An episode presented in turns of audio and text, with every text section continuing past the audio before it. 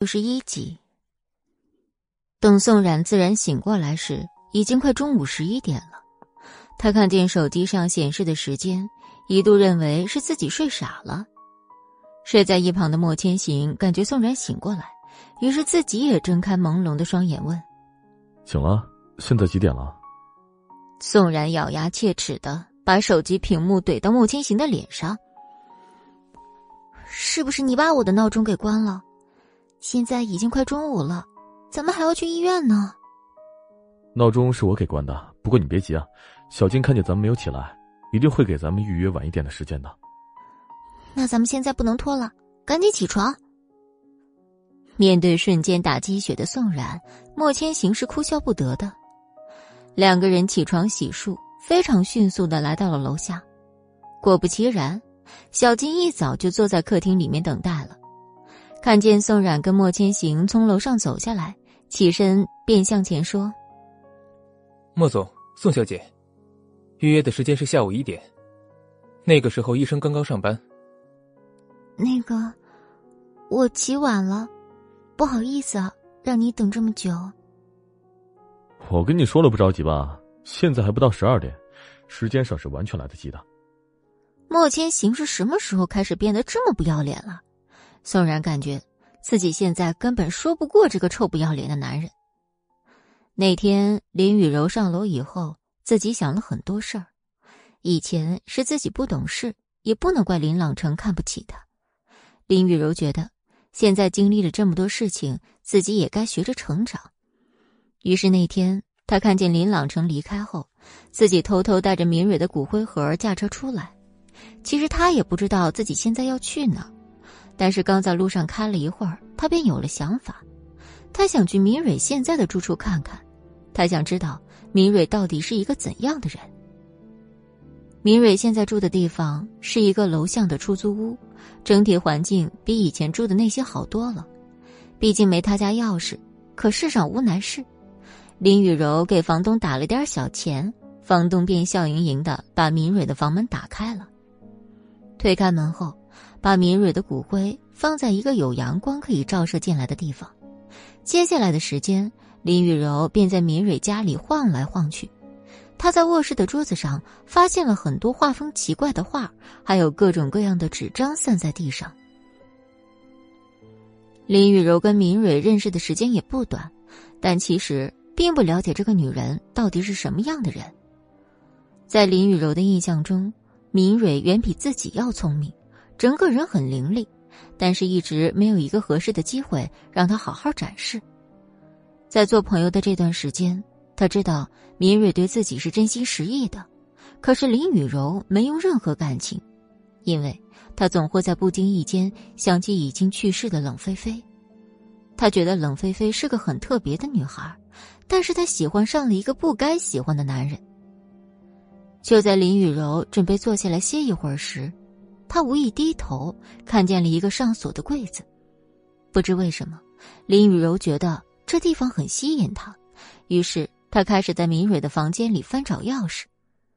毕竟是林雨柔第一次来敏蕊家，所以他没找到钥匙。暴力把柜子打开后，林雨柔把里面的东西都拿出来。很多的照片上都是拍的各种各样的宋冉，还有莫千行的出行。林雨柔看着这些东西。他好像有点懂敏蕊的脑回路是哪儿来的。自己把地上那些废弃纸张也捡起，他现在要深入研究一下敏蕊收集的这些东西。这里面有几张图的位置是被敏蕊用红色的笔标记出来的，林雨柔不知道是什么意思。他先把这几张有特别位置标记的纸拿起放起来，然后又开始去看敏蕊其他的东西。莫千行每一天来往的路线基本是固定的，但好像最近下班时会去一个陌生的地方。林雨柔总觉得莫千行不常去的这个地方有问题，但现在也不好定夺。就在他想事情入神时，手机铃声在客厅响起，这突如其来的动静可把林雨柔吓了一跳。看了看被标记的地方，自己脑袋里一片空白。铃声一直在响。于是他暂且放下这些东西，去客厅里拿手机。拿起手机，上面显示的是一个陌生号码。林雨柔平生最烦广告，所以直接挂断。但自己还没走远，手机铃声再次响起。虽然他很不耐烦，但是他觉得事情可能没有那么简单。林雨柔坐在沙发上，皱着眉头接起了电话。喂，谁啊？林小姐，我现在已经被医院给开除了。你看我上有老下有小的人，现在实在没有办法生存呐。林雨柔已经记起这打电话的男人，就是自己跟明蕊找宋冉的那个主治医生。你是谁啊？是不是打错电话了？我不认识你。林小姐，做人留一线，日后好相见。现在你这个样子推我下悬崖，我也是一个苦命的人呐。答干你事儿的人是敏蕊，他现在已经死了。你要是想要钱，就下去找他要吧。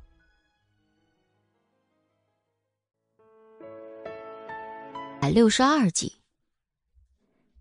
医生在那边大声的说着：“关于敏蕊小姐的死，我也是听同事们说了。”虽然大家都说是自杀跳楼，但我觉得肯定是有人在害她呀！这一切都是造孽啊！林雨柔才不愿意跟一个已经没有任何价值的人浪费口舌。就在他不耐烦时，医生气急败坏的说：“你要是不给我钱的话，那么我就去告发你，让你这种败类遭到报应。”你去告发呀！跟你有联系的只有明蕊，我倒是要看看。你会是怎么下场？明蕊的死，你也认为不是意外？钱我不要了，造孽啊！林雨柔觉得现在已经没什么必要继续打了，所以果断的挂断了电话，防止医生再来骚扰自己。林雨柔顺便把医生的手机号拉黑。宋冉还有莫千行已经到达了医院，小金一直在后面，是个小跟班。这次明蕊跳楼的事儿，小静知道的内容算不上全面。宋冉再次来到妇科，自己的心情很复杂。莫千行已经感觉到宋然的紧张，于是，在电梯里主动牵起宋然的手。还没有生孩子呢，你瞧瞧你现在紧张成了这个样子。宋冉立刻把自己现在的紧张情绪抛到脑后，开始认真的怼莫千行。电梯门开了。宋冉紧紧的握着莫千行的手，两人先出了电梯。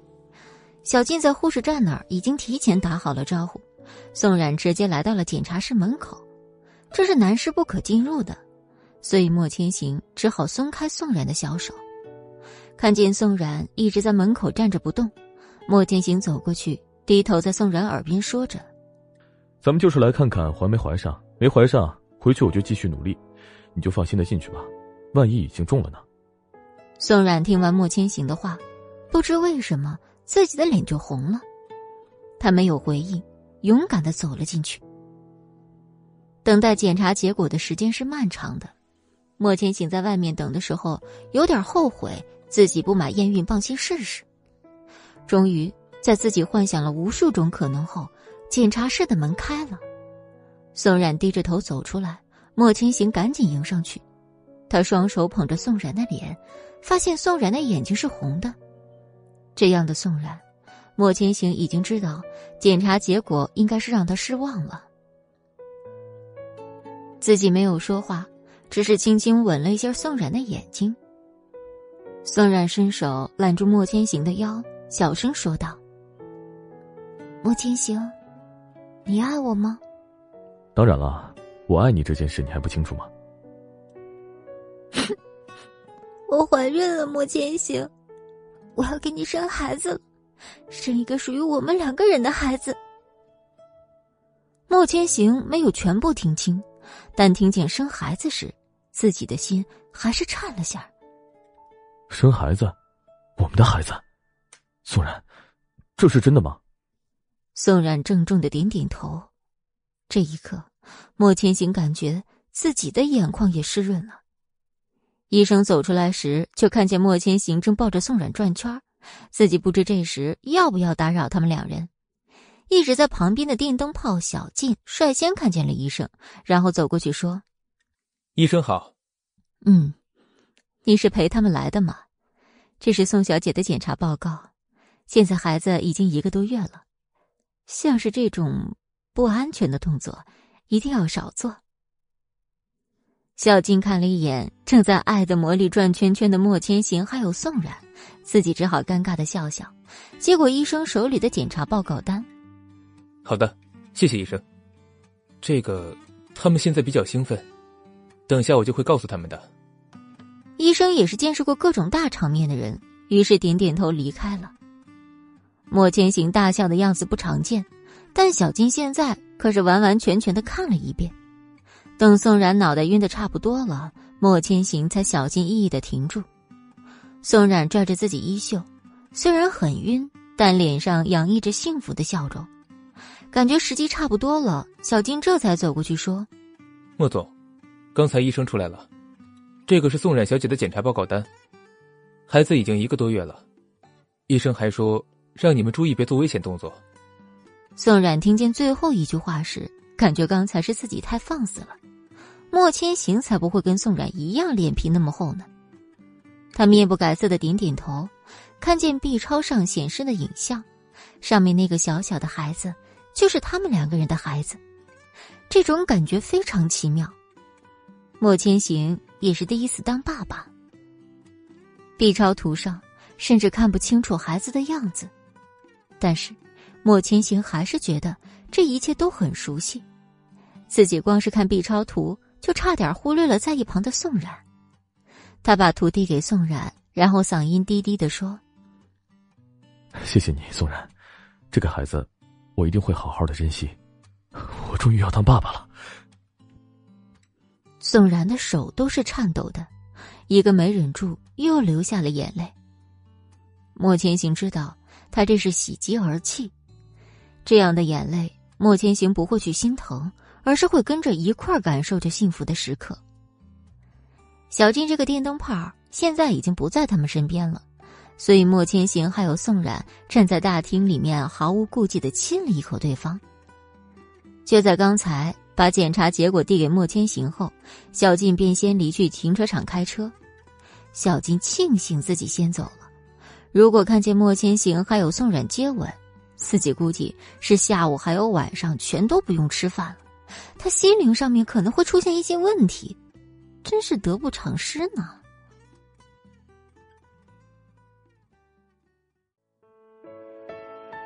百六十三集，林雨柔今天在明蕊家里算是大有收获。关于明蕊在图纸上标注的地方，林雨柔还需要带回去好好研究。莫千行平时的行踪不难跟踪，但明蕊能坚持一下还是很厉害的。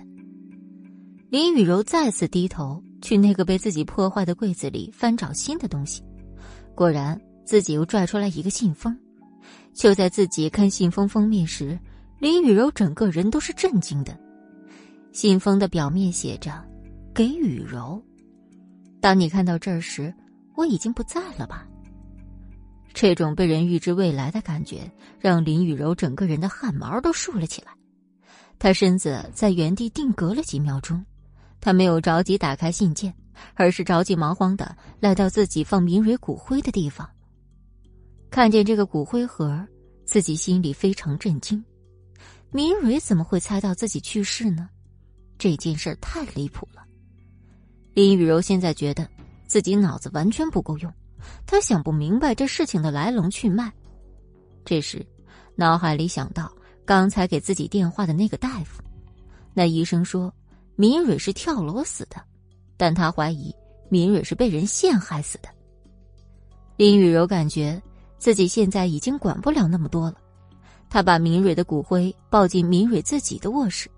当自己再次拿出这信件时，林雨柔在心里已经做好了一定的心理建设。信件撕开，里面是一封信，还有一些照片。信还没有开始展开，但是这些映入眼的照片已经让他大吃一惊了。这照片里是两个女孩，有的是明蕊自己。还有的是一个陌生女人。林雨柔仔细翻看这些照片，仔细的对比了一下照片里的人，她发现这个跟明蕊在一起拍照的女孩和明蕊有一些神似，其他的自己暂时还没看出什么问题来。把照片全都看完以后，林雨柔这才想起那封被自己遗忘的信。他看了一眼明蕊的骨灰盒，然后深呼一口气，打开那个信纸，里面的字很多，足足有两大张纸。林雨柔坐在床边开始看起来，时间。就这样一分一秒的过去，等林雨柔了解了明蕊留下的这神秘信件后，已经是下午四点多了。里面的内容大概就是，明蕊在自己有能力时偷偷领养了一个女孩，原因很简单，她觉得这女孩像是自己年轻时的模样。现在随着自己的人生开始发生各种波折还有转变，她意识到那孩子可能会派上用场。林雨柔现在整个人心里都是震惊的，敏蕊的心思太缜密了，缜密到她找了个替身，在自己去医院的那天代替了自己。得知这一切的林雨柔开始觉得害怕。按照信封说的内容，那现在自己面前这个骨灰盒里装的根本就不是敏蕊，真正的敏蕊根本没有死，跳楼死去的那个女人只是敏蕊一直养在身边的替身。林雨柔看到信的最后，明蕊还专门给自己留了一段话：“雨柔，谢谢你这段时间对我的照顾。你看到这儿时，我已消失在茫茫人海，你不用为我担心。倒是你，要照顾好你自己。”简简单单几句话，林雨柔觉得自己额头上全是汗，她不敢相信。如果没有拆开这个快递，如果没有带着骨灰来到明蕊现在所居住的出租屋，那么这世界上是不是就没有人知道明蕊没有死？可世界上根本就没有如果。明蕊这次下了一盘巨大的棋，他这一招假死骗过了所有人。林雨柔看着这个被自己翻得乱七八糟的卧室，不知为什么就笑了。她起身。打开卧室里唯一一个小窗户，然后对着窗外大喊：“谢谢你来过，期待再一次见到你。谢谢你，真的谢谢你！”大声喊话后，林雨柔感觉自己心里能轻松一些。明蕊假死这件事儿，林雨柔感觉他真的把自己当成了朋友，这一切就因为他当初带着目的接近了他。明蕊就把自己的真心放在了身上，在最后还这么毫无保留的把证据留给自己，告诉自己他没死。最后，林雨柔把关于宋冉还有莫千行的东西全部带了出去，至于那些信件和照片，林雨柔一把火全都烧了。同时，那个骨灰盒，林雨柔开车来了一块还算不错的墓地，快速花钱签合同买下以后，林雨柔。替假死的明蕊把这个女孩安心的安顿在这儿，一直到林雨柔再次回到家，这一切都被莫千行的眼线跟踪着，中途也不免出现一些意外，比如在林雨柔离开那个出租屋，等线人进去查看时，只看到一堆被烧成灰的灰烬，没有任何有价值的东西留下，但是林雨柔冲着窗外喊的那句话被线人给录了下来。线人最后还来到林雨柔买下的那块墓地，经查看，墓碑刻的确实是敏蕊的名字，但除此之外没有别的东西了。这墓地也算不上很好，但林雨柔加钱在合同上添加了附加条件，那就是不要让任何人打扰到这个去世人的休息，并且隐去自己的姓名。这世界上能用钱解决的事儿都不是事儿。所以，线人只是用了钱，便完完整整的得知了林雨柔来墓地里的一切。莫千行一路上的心情非常愉悦，他在快到莫家时，给小静放了剩下半天的假期用来休息。宋冉看着眼前这个莫千行，哪儿还有总裁的样子？他就是一个童心未泯的大男孩罢了。看宋冉盯着自己笑。莫千行轻轻的牵着宋冉的手，眼睛都快笑没了，自己又在心里面想什么好事呢？这时，小静把车停好。莫总，宋冉小姐到了。宋冉没理莫千行，直接对小静说：“哦，好的。”然后对莫千行做了个鬼脸，并下车了。莫千行现在开始感觉自己不该给小静放接下来的半天假，原因很简单，就因为小静的话打断了自己的问话，刚才竟被宋冉给蒙混过去了。就在自己准备下车要跟上宋冉时，手机收到一条信息：林雨柔已回家，今天的行踪已经全部跟踪完毕。四百六十四集，小静看见莫千行迟迟没有下车，自己就偷偷的透过后视镜看莫千行现在的模样。这个时候正好看见莫千行露出得意的笑容，通常这笑容一露出，就是有人要倒霉了。小静偷偷的把自己的目光收回，然后在心里为接下来要倒霉的人祈祷。现在还没有到吃饭的点儿。你直接下班去吃饭吧。莫千行突然说话，把小静吓出了一身的冷汗。啊，好的，好的，莫总。莫千行没再说话，直接下了车。到了客厅，发现宋冉不在，于是莫千行走到厨房，看到正在洗菜的王妈。王妈，怎么今天做饭那么早啊？你看见宋冉了吗？哦，这不是看见你俩回来了，怕你们饿。对了，冉冉小姐一进来就去了楼上。今天检查的结果不理想吗？没怀上也没事儿，你可得好好的对人家女孩子。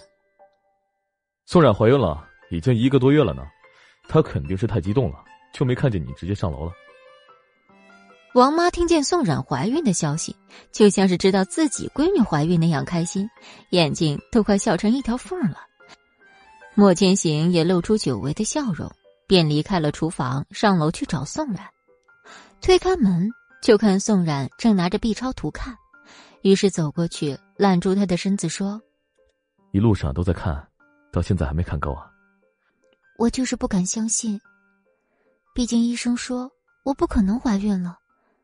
现在这一切来得太突然了，我都激动的不知道做什么才好。乖了，现在这个宝贝就是上天送给我们的礼物。他的到来是有任务的，他是夹着咱们那个没有来得及看看这个世界的孩子一块来的。你现在要做的就是养好身体，然后好好的等待孩子的诞生。宋冉握住莫千行的手，然后附上自己的小腹，他低头看着这个神奇的地方。是啊，肯定是这样的。这次我一定会好好爱护我们的孩子，我要让他知道，咱们有多爱他。齐军和海伦是今天下午三点的航班到的 B 市，连续好几个小时的舟车劳顿让海伦疲惫不堪。倒是刚做完手术没多久的齐军一直保持着一个兴奋的状态。一上来的时候，海伦还劝他休息一会儿，但到后来，海伦自己累得先睡着了。齐军前半段时间一直在处理公司琐碎的事情，在海伦睡着以后。他放下自己手头的工作，因为是靠窗的位置，于是齐军把窗户打开，看着外面的云彩。天空还是很好看的，齐军看着外面便出了神。在这次没去美国以前，齐军还以为自己会很快就去天堂呢，但这次回国，自己的身体完全好了，而现在的自己再也不会因为疾病而自卑了。他知道，现在这一切要谢谢自己和好的爸爸，还有一直陪在自己身边照顾的海伦。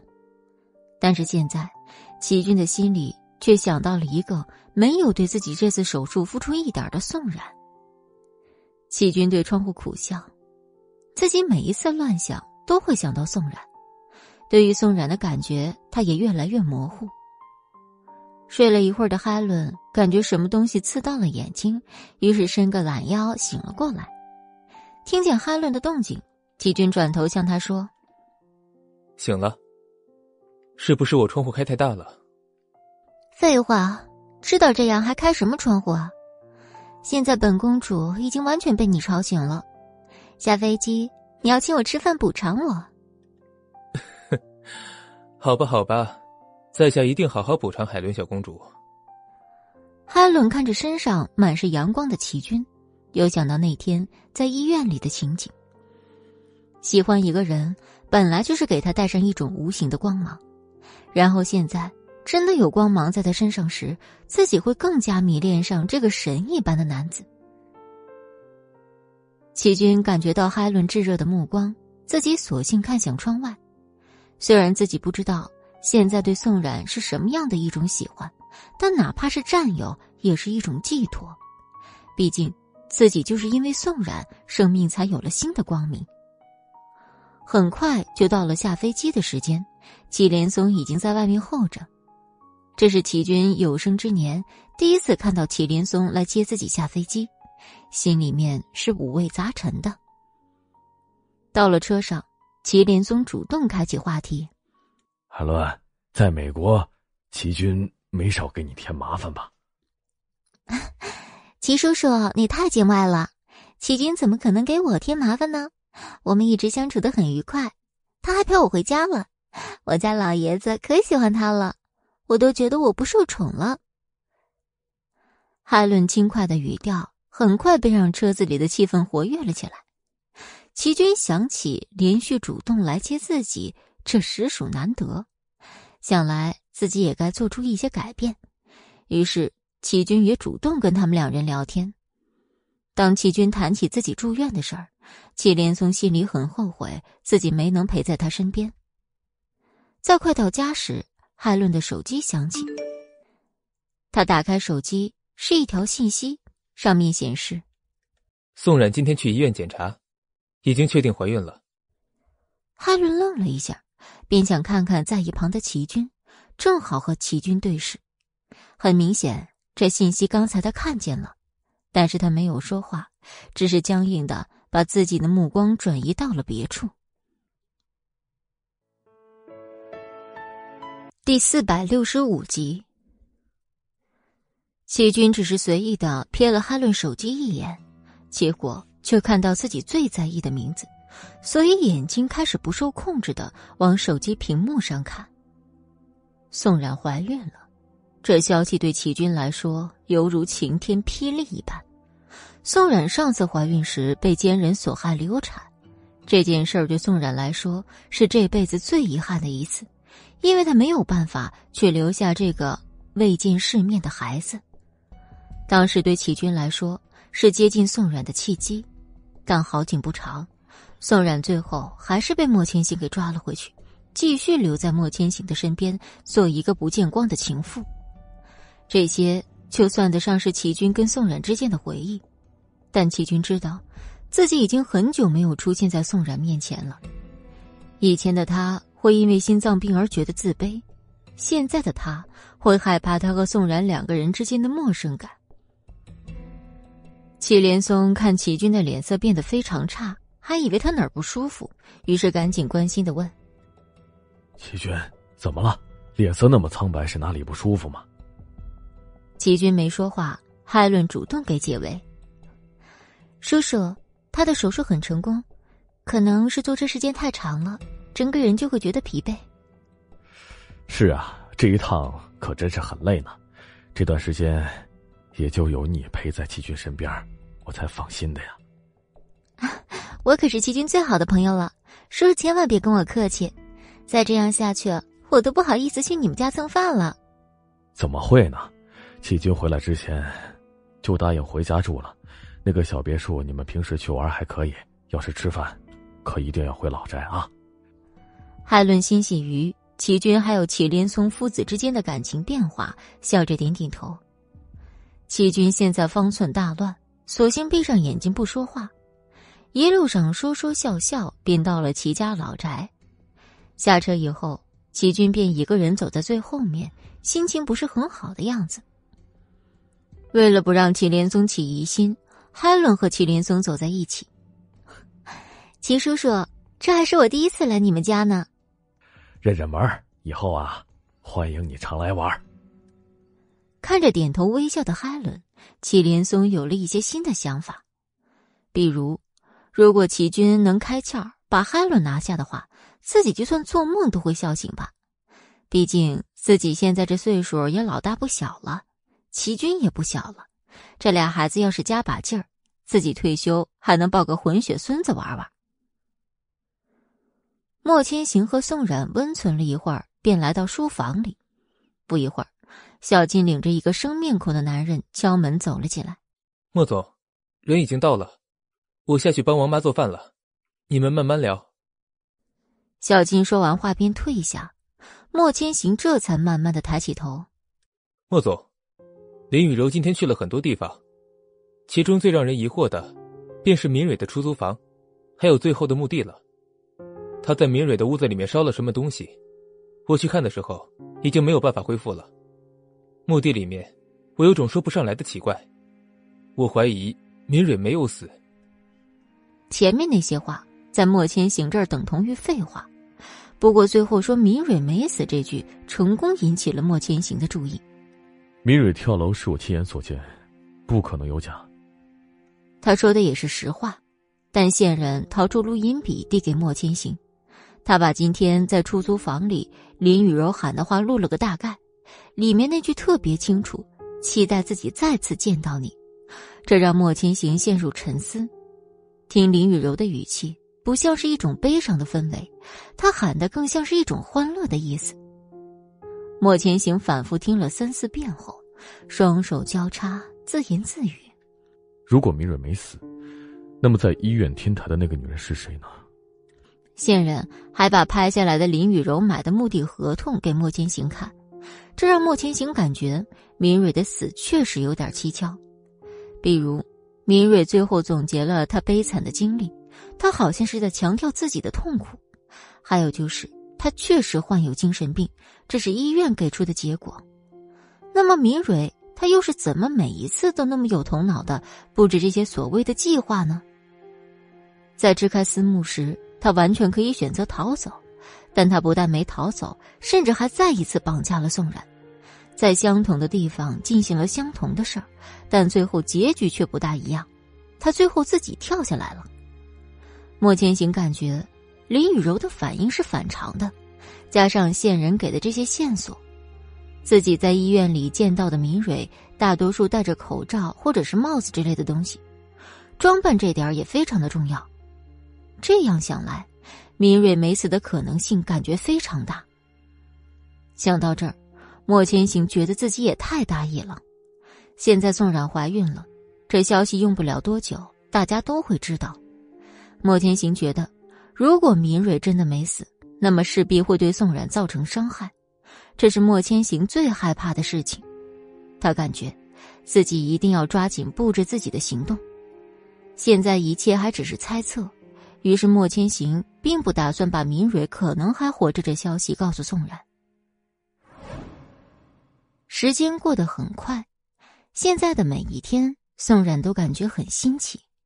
她经历了孕吐，经历了睡不着，还有频繁性的上厕所，这些都是怀孕的必经之路。虽然很折磨人，但宋冉觉得自己是幸福的。她可以最直接的感受到自己肚子有变化，就连莫千行也说，从肉眼能看出他肚子在一天天的变大。齐军在家颓废了还没有两天，便强迫自己振作起来去公司工作。大家看见强势回归的齐军，大大增加了齐氏集团的事情。现在最为焦虑的便是林氏集团。林朗成现在算是体会到什么叫焦头烂额。林雨柔一边顶着公司的压力，一边开始研究敏蕊留给自己的那些线索。皇天不负有心人，经过一个多月的探索，林雨柔找到了莫千行不常去的那个地方具体的位置。林雨柔很有信心的认定，那是莫千行的秘密基地。林雨柔正为自己的进展感到开心，但莫千行这边也掌握了林雨柔每一天的一举一动，所以早在林雨柔跟踪莫千行时，莫千行的人已经在林雨柔后面跟着。基地的位置也是莫千行故意暴露给林雨柔的，不然林雨柔哪能这么轻易的熬时间便找到了。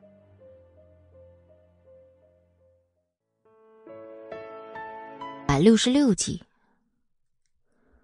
做这一切事情的目的很简单。现在，宋然已经怀孕了，莫千行不想他受到任何伤害，于是计划都得跟着加快。现在的骑士集团虽出尽风头，可是对莫千行却没有任何的困扰，原因很简单，齐军不会对宋冉做不利的事情。现在最大的敌人就是一直在背后默默搞小动作的林氏。林雨柔欺负宋冉的账，莫千行可一直都记得。还有林朗成，这可是一只老狐狸了。当年的事情，就算宋二伯现在还不肯说实话，但莫千行也推理的差不多。这次势必通过林雨柔这根线，把整个莫氏集团连根拔起。现在宋冉怀有身孕，所以莫千行完全不会在公司里加班。这个好习惯的养成，全公司最开心的人就是思慕了。现在的思慕已经光明正大的向暮云告白了，但暮云一时没有给他回应。就在大家以为思慕表白被拒时，暮云说他会好好考虑一下。接下来的日子里，思慕除了工作，便是出现在暮云面前。莫千行下班的时间非常准时。于是也给思慕造就了完美的下午约会时间，这一切都已经明显的不能再明显了。莫千行也是知道的，至于能不能转正，就看思慕自己的造化。宋冉听见莫千行说这句话时，自己差点笑死。宋冉现在是莫家的重点保护对象，莫千行现在在他跟前越来越没有架子了。其实。莫千行就是一个普普通通的男人而已，但是这种变化让宋冉非常开心。莫千行这天再次来到秘密基地看望宋二伯，由于长期被关在没有太阳的地方，宋二伯的皮肤变得特别白，整个人看起来没有活力，衣服松松垮垮的套在身上。莫千行，你最近来看我看的很频繁吗？是不是相信宋冉是你的仇人了？专门跑过来感谢我呀？莫千行每次听宋二伯说这欠揍的话，心里都恨不得把他打死。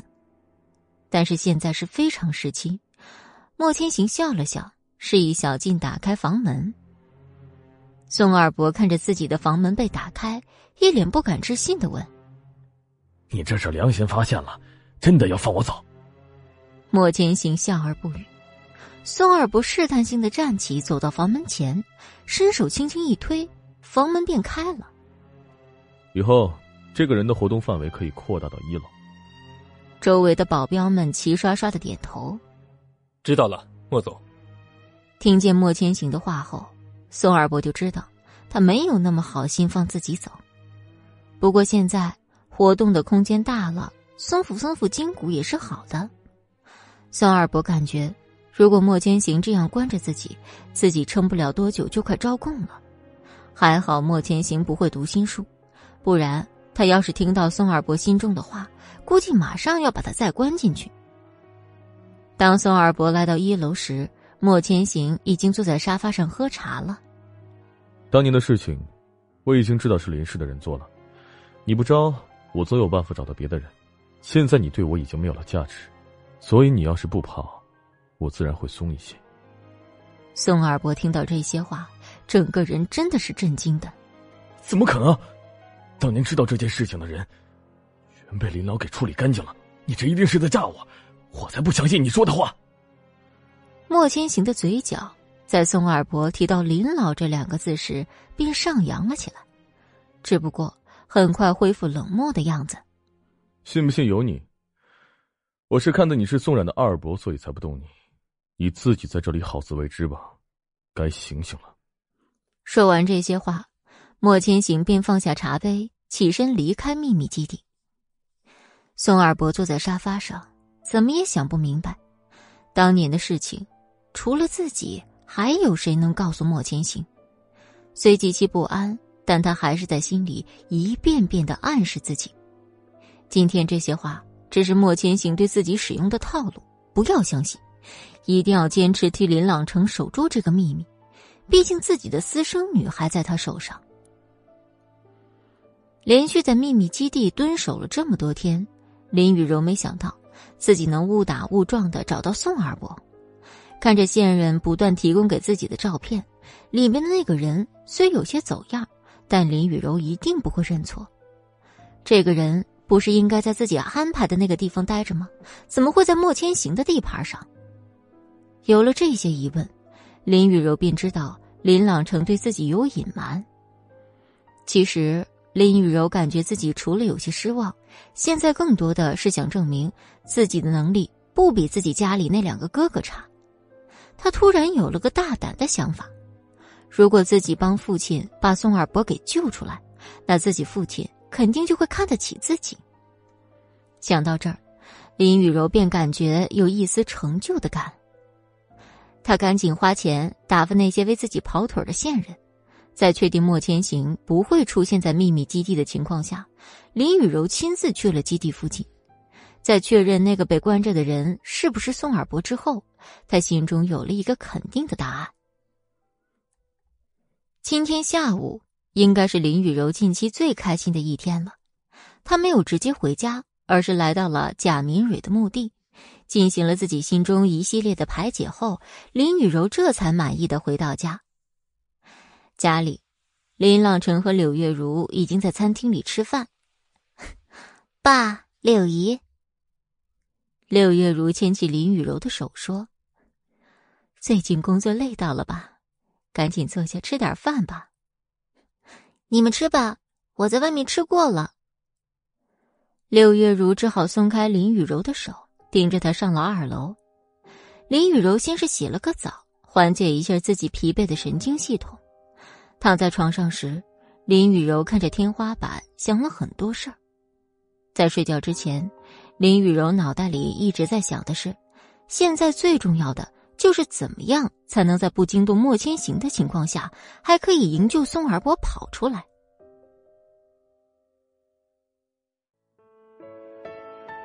四百六十七集，宋冉最近感觉自己很明显的怎么睡都睡不够，出现了嗜睡的症状。今天下楼吃饭时，宋冉竟发现家里面有稀客。正和王妈说话的思慕听见动静儿，抬头看向宋冉，没有想到是我吧？最近工作比较轻松，所以来看看你和宝宝。宋冉总感觉思慕笑里藏刀，于是非常警惕的说：“无事不登三宝殿，说说你的来意吧。”嘿嘿，小的实属是冤枉啊！此行我绝无任何来意，太久没有看见你了。我来探望一下你最近的状况。还好今天莫千行已经去了公司，不然思慕在这些话还没说完的情况下，就会被狠狠的扔出去。就在宋冉坐下来准备安心吃饭时，他感受到了思慕的注视。有事就说呗，我又不是莫千行，你这个样子我真不适应，赶紧说。嘿嘿，那个啥。我现在不是在追求暮云吗？现在已经好几天了，但是暮云迟迟没有给我回复。我现在感觉自己就快要没有什么招数可以用了。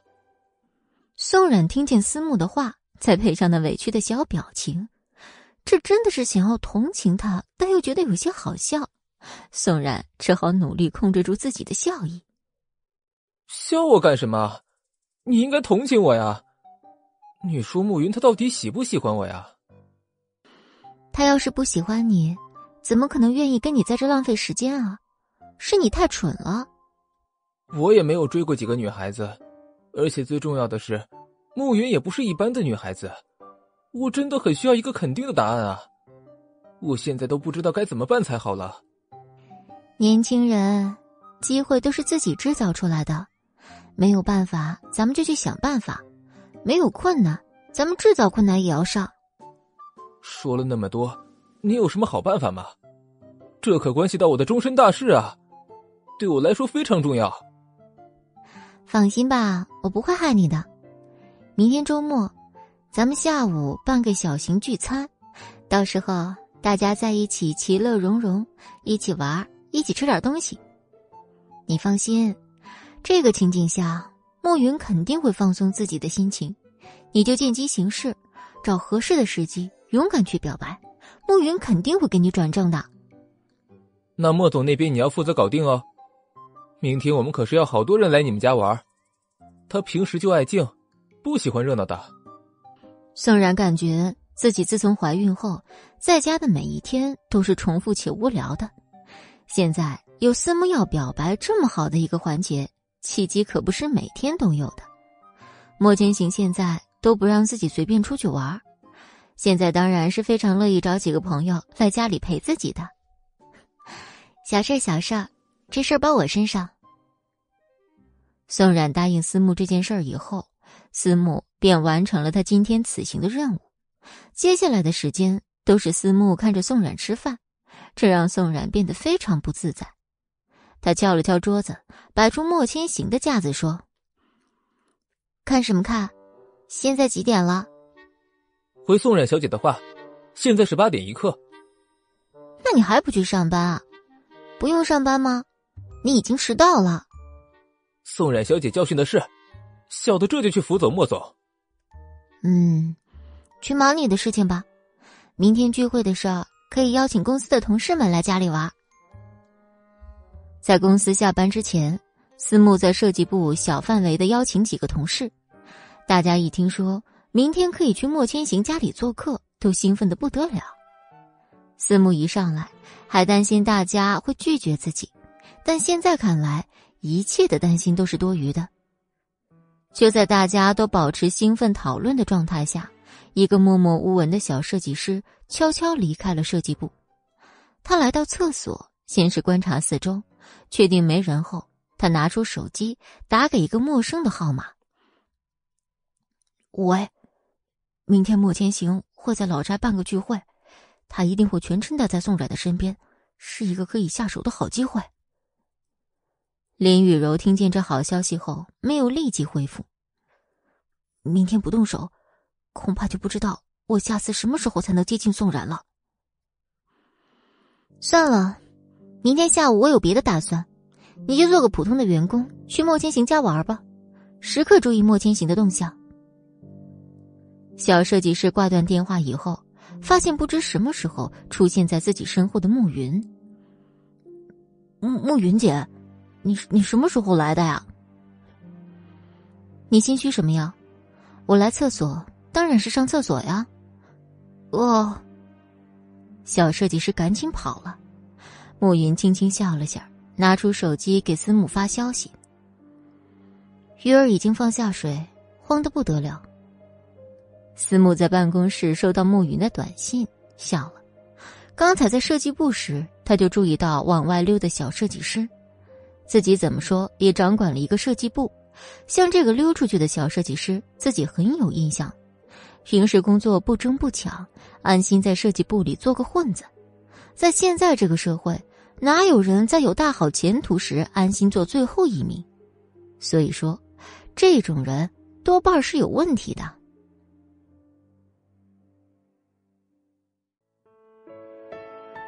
百六十八集，林雨柔挂断电话以后，自己赶紧打电话给一直监视着莫千行秘密基地的兄弟们。大家这段时间辛苦了，现在情况探的怎么样了？明天下午行动有几成把握？那头的一个头目笑笑说：“啊，不辛苦，为林小姐做事是我们的荣幸。经过了那么多天的监察。”我们已经把宋二伯的基本踪迹摸清楚了。明天下午听我命令，这次的营救计划事关重要，你们一定要圆满完成任务。放心吧，林小姐，我们肯定会完成任务的。明天下午就等着我们的好消息吧。林雨荣满意的挂断了电话，然后在银行卡里提了十万块钱。看见手机上显示成功转到了刚才和自己通话的手机账号里，自己才放心的开始忙别的事儿。虽然莫千行作为一家之主，但他应该是最后一个知道自己家里要聚会的事儿。暮云给思慕发完消息后，便去莫千行的办公室。莫千行是知道莫氏集团有很多浑水摸鱼的人是别的集团的奸细，但今天打电话通风报信的，他并不清楚是什么用意。看着莫千行皱着的眉头，暮云没有多说话，便退下。下午下班时，莫千行一回到家，便感觉和平时不太一样的宋冉。自己坐在沙发上闭眼睛休息，宋冉从不远处小步的跑过来。莫千行刚睁开眼，宋冉便已走到了他跟前。莫千行，你今天工作累不累啊？我给你捏捏肩膀吧，我可会捏肩膀了。看着不知哪根筋不对的宋冉，莫千行知道，事出反常必有妖，但是他也没有拆穿宋冉。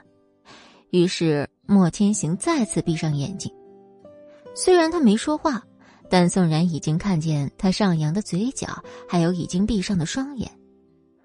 宋冉从莫千行的身前绕到莫千行的背后，开始给莫千行捏肩膀。这次安静的捏了没有两分钟，宋冉终于忍不住开始说话：“我捏的还可以吧？莫千行，有件事儿，我想告诉你。我觉得你那么好，一定会答应我的。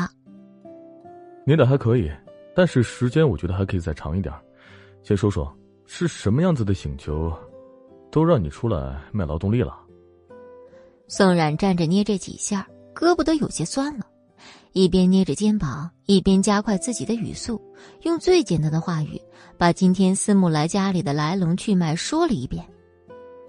莫千行听完后，脑袋里已经想到了另一件事儿，于是非常快速的点头。啊，你这是答应了？你这么快就答应了？怎么了？不是你说我好，说我一定会答应你吗？宋冉感觉莫千行话里有话，但现在一切都不重要了。既然莫千行答应了，宋冉便停下手中的按摩。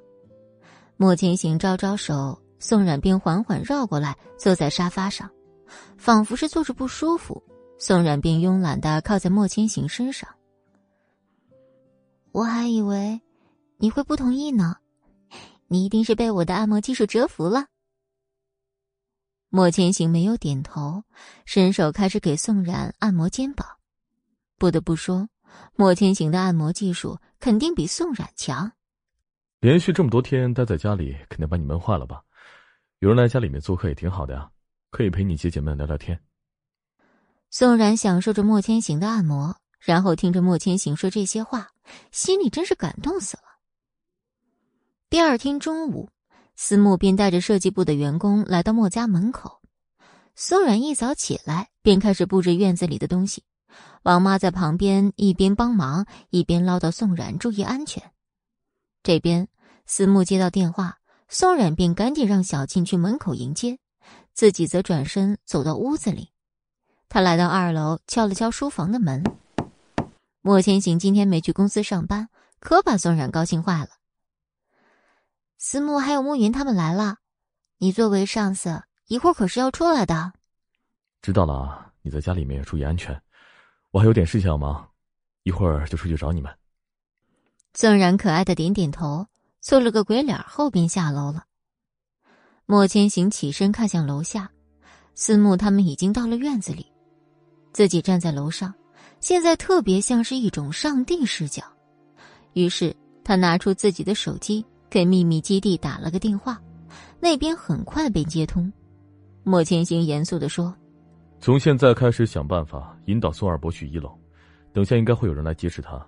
你们装作不胜武力的样子，让他们把宋二伯救走。事成后跟踪他们找到据点，向我汇报。”收到。莫千行很少说这么多话，得到基地人的回应后便挂断了电话。秘密基地那边。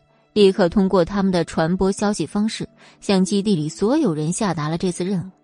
大家纷纷打起十二分的精神状态，非常认真的在对待配合别人演出的事情。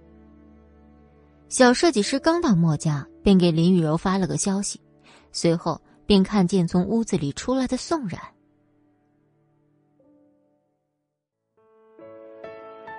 四百六十九集，看见宋冉出来。就是思慕最为兴奋了，他快速的跑到宋冉跟前说：“宋冉，这就是我今天带来的所有人了。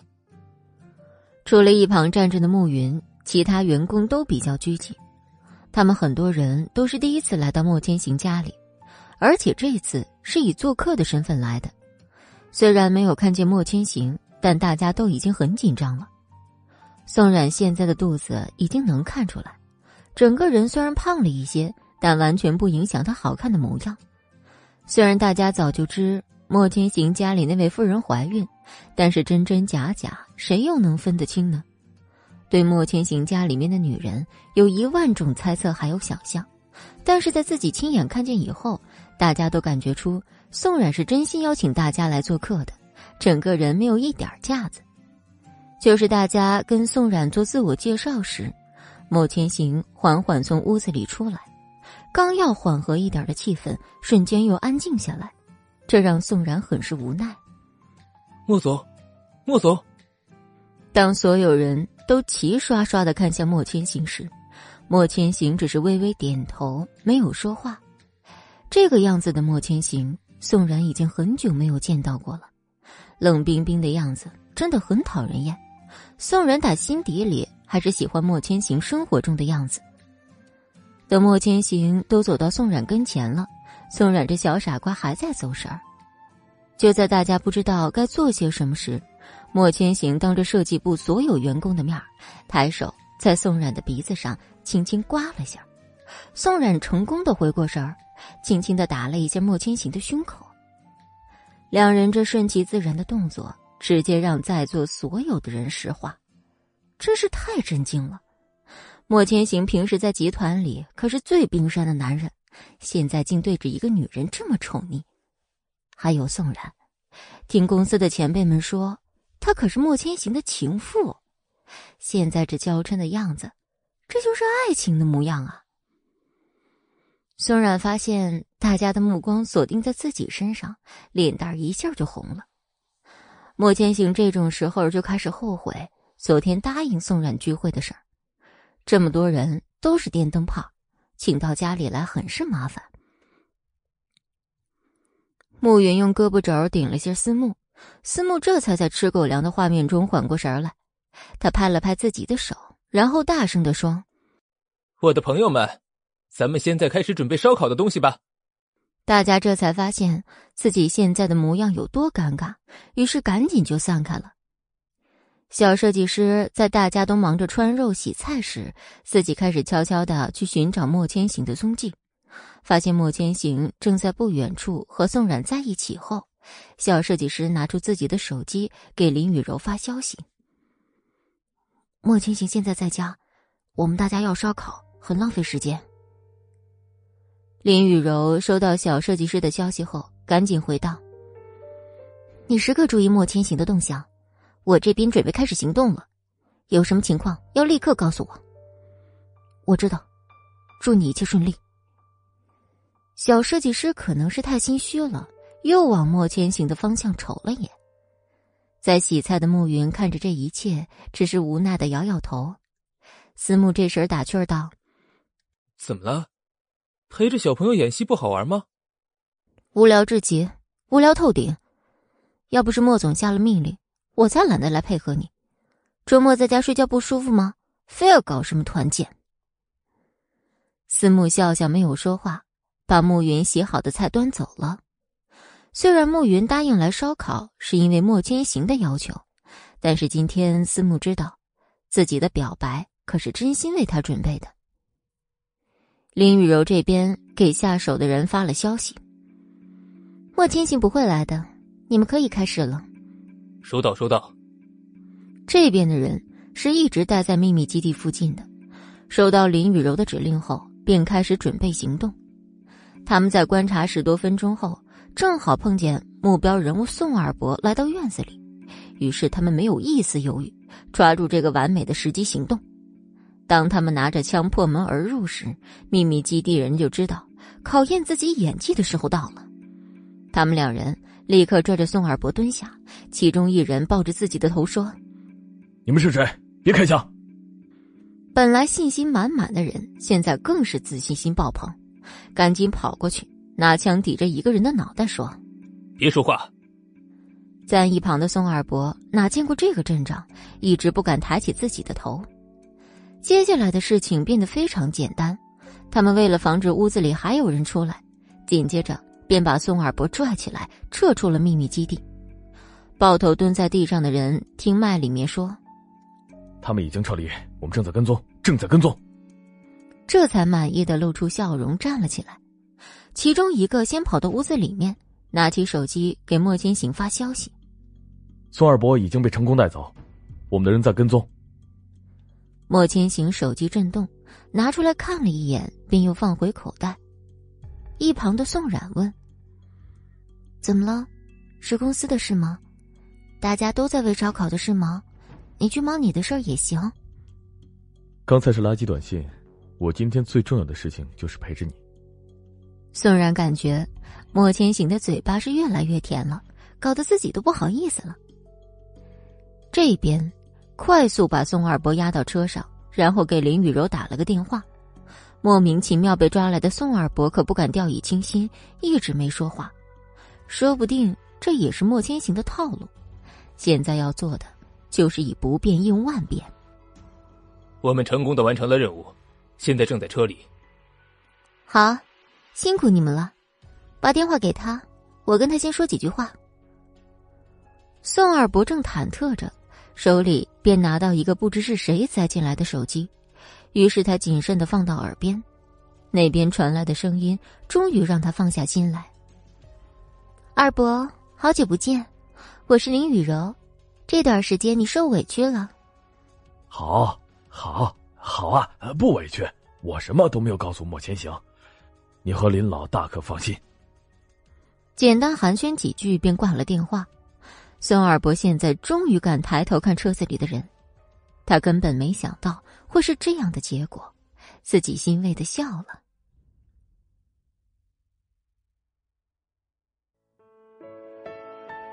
七十集，烧烤架很快就被思墨安装好，大家也慢慢在适应这个新环境。团建还是有很多好处的，比如可以增加同事们之间的感情。思慕现在正坐在烧烤架子旁边，准备用木炭点火。暮云依旧站在不远处的地方洗菜。小伙伴们一起在草地上收拾出来一块可以野餐的地方。现在这样特别像是在郊游。别人的欢声笑语是真的欢声笑语，但现在小设计师却如坐针毡。莫总，不要老陪着自己老婆，就忘了我们这些员工好不好？撒娇撒到莫千行身上，这个样子的人除了思慕不会有别人。莫千行并不是个领情的人，虽然离得不远，但是自己全当没听见。宋冉拽了拽莫千行的衣袖：“你过去帮帮忙啊！你可是公司老板，一直待在我身边，别人会说闲话的。我一个人坐着看着你就行。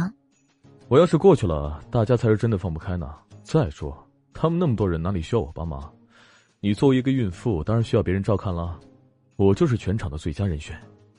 不知道为什么，宋冉静觉得他说的有道理。四木都那么大声的叫莫千行了，可都没喊动，还是在那么多员工面前，他感觉自己真没面子。其实，在员工们心里面早就已经习惯了，大家认为四木这人除了脑子有点问题之外，其他的地方还是很好的。小设计师一直在浑水摸鱼，他现在的心思全都在手机上。时间一分一秒的过去，莫千行看样子今天下午是不会离开了。手机震动了下，小设计师的身子都跟着震动了下。他先是看了看周围，确定没人注意他以后，这才把口袋里的手机拿出来。林雨柔简单的发来“成功”两个字，彻底让小设计师的心放了下来。他没有回复，但自己绷着的神经总算是放下了。小设计师下意识的向莫千行的一边看了一眼，正好和旁边的宋冉对视上。这一瞬间，小设计师感觉自己整个人都不好了。宋冉冲这个陌生的女孩笑了笑，结果自己不但没得到回应，甚至还看到这陌生女孩把脸转向别处。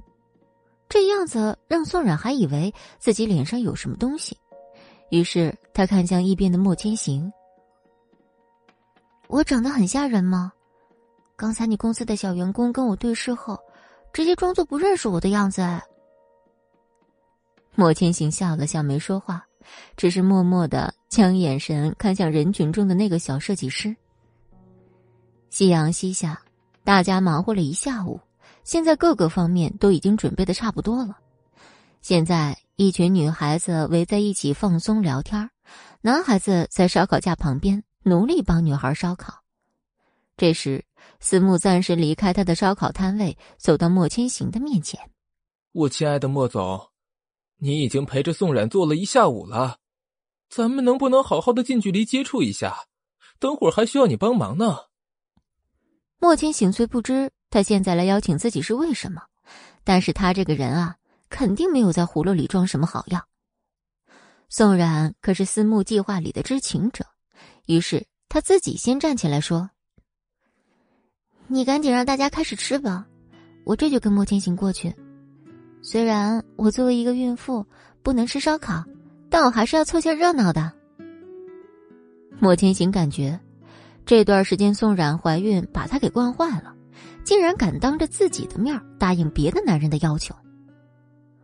思慕向宋冉投来一种大恩不言谢的眼神，然后自己便屁颠屁颠的去组织大家一起吃饭。看着得意洋洋的思慕，莫千行感觉自己现在一定要说点什么。但就在莫千行想对宋冉说自己不喜欢这种人多的场合时，宋冉率先抬起自己的头。我知道。我不该替你本人答应思慕，但你就看在思慕今天晚上要表白的份上，大人有大量，原谅我这个擅自行动的小可爱吧。莫千行真是哭笑不得，就连道歉都要在最后一句夸一下自己。他把自己的外套脱掉搭在宋冉的身上，然后便牵着宋冉的手往烧烤的方向走去。莫千行虽然刚走到大家跟前。但是自带的杀伤力已经开始散发，大家一下子就不敢说话了。宋冉见这个情形后，算是明白了莫千行之前为什么不愿意过来。你们吃完以后就可以回家了，院子里的烂摊子让司母一个人收拾就可以了。烧烤挺好的，但是有人不能吃，所以我就先把他带回去了。莫千行撂下这两句话，便牵着宋冉的手转身离开。大家对莫千行打扫卫生的决定感到非常开心，还有就是无意中又吃了一波狗粮。思慕感觉自己这一次算是搬起石头砸了自己的脚，他机械的转动自己的脑袋，环顾现在院子的周围，这个状况简直可以用惨不忍睹来形容。只见他忽然起身，走到暮云跟前说：“本来今天这个局是设给你的。”可是现在好像发展的不太对劲。暮云，我喜欢你，你已经考察了两周，现在是时候给一个答复了。这种时候的告白，大家想必都是平生第一回见吧。接下来让人没想到的是，暮云走到思慕跟前说：“你这个时候说这种事儿，该不是想让我跟你一起留下收拾残局吧？”呃。如果你给我的答案我不满意的话，那么我就让你跟我一起收拾这偌大的院子。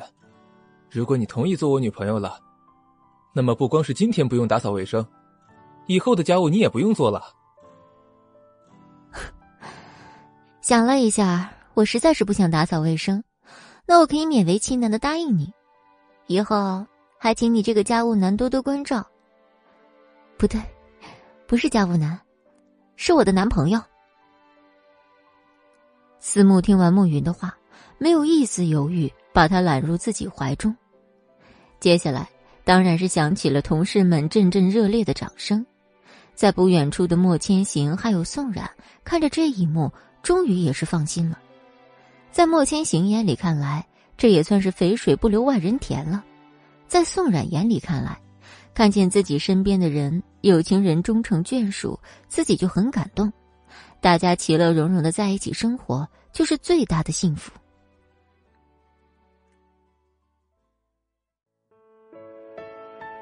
四百七十一集，林雨柔给宋二伯打完电话后，自己心中的喜悦是怎么都掩盖不住的。今天早早就下了班，在老地方等着他。看了看时间，宋二伯也快来了。林雨柔营救宋二伯这事儿，虽然现在已经成功，但是他现在还是不打算告诉自己父亲。他现在有他自己的一套打算。这一次。是林雨柔想了很久的一个计划。外面响起了脚步声，于是林雨柔便收起了自己的笑容，看向门口。推门进来的人正是宋二伯。林雨柔这一刻终于放下心来。宋二伯感觉整个人被莫千行给关得快自闭了，哪儿还敢想再次见到林家人？林雨柔看宋二伯一脸感动的样子。自己率先开口说：“二伯，这段时间真是委屈你了。我相信莫千行很快就会发现你逃走了，所以暂时需要避避风头。”林雨柔也是很关心自己的，宋二伯点点头，也算是答应了林雨柔的提议。哪里的话呀，真是客气了。那些事情只能说莫千行这个人太有心机了，还是要谢谢你啊。林雨柔附和，提到莫千行，自然会想到宋冉。他坐在沙发上，但整个人现在的气场已经变了。看看桌子上面的杯子，他咬牙切齿的模样，最毒妇人心啊！那个宋冉现在怀孕了，我真不知道他是怎么骗得莫千行和他睡觉的。听见林雨柔提到宋冉。宋二伯没有一丝的神情变化，观察到这一点的林雨柔终于露出欣慰的笑容。他拿起自己跟前的杯子说：“莫天行怎么把你抓到秘密基地的？这事儿我真的很好奇。毕竟我爸爸给你安排的地方还是挺隐蔽的。”宋二伯就知道自己逃不了被追问这件事儿，心里早就打算好了一切该怎么说。现在这种情况。就是自己再次回到林氏集团的管辖内，这万万不可把自己出国的事儿说出去。整件事情说来话长啊，但是我即使被关了那么久，我也依然记得我跟林老的约定。你放心，我断然没有把当年事情的真相说出去。宋二伯都这样说了，林雨柔也不好再追问下去。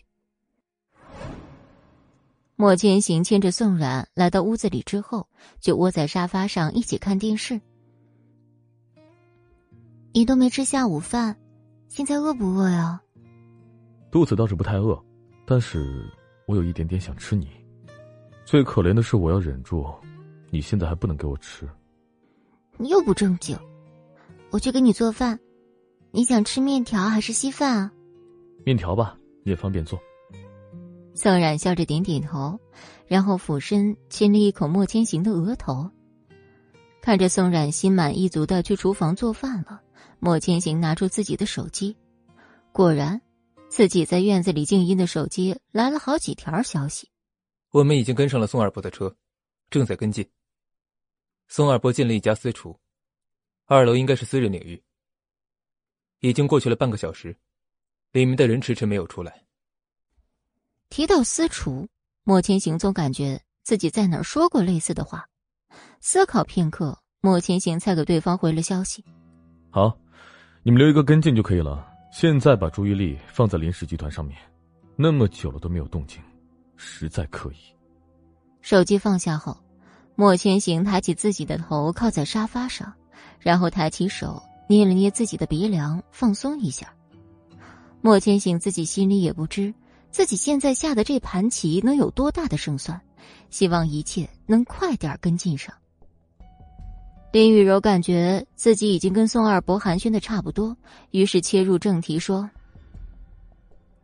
二伯，你看，咱们聊一下今天我来的目的吧。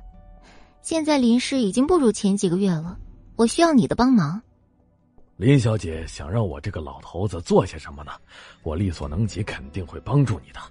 毕竟这次，我都以为我会被困在那个地方一辈子，但是你救了我。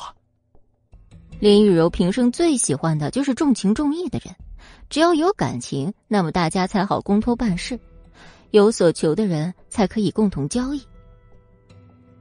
你可能不知道，骑士集团的少爷齐军在国外回来了，三足鼎立是平衡，但现在局势不明朗，一旦变成两个集团联手对付剩下的一个，就有人会被淘汰。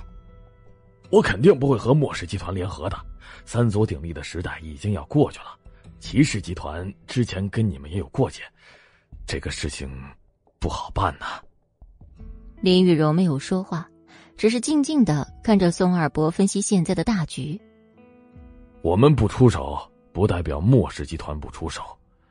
现在最好的办法就是拉骑士集团和我们一起对付莫千行。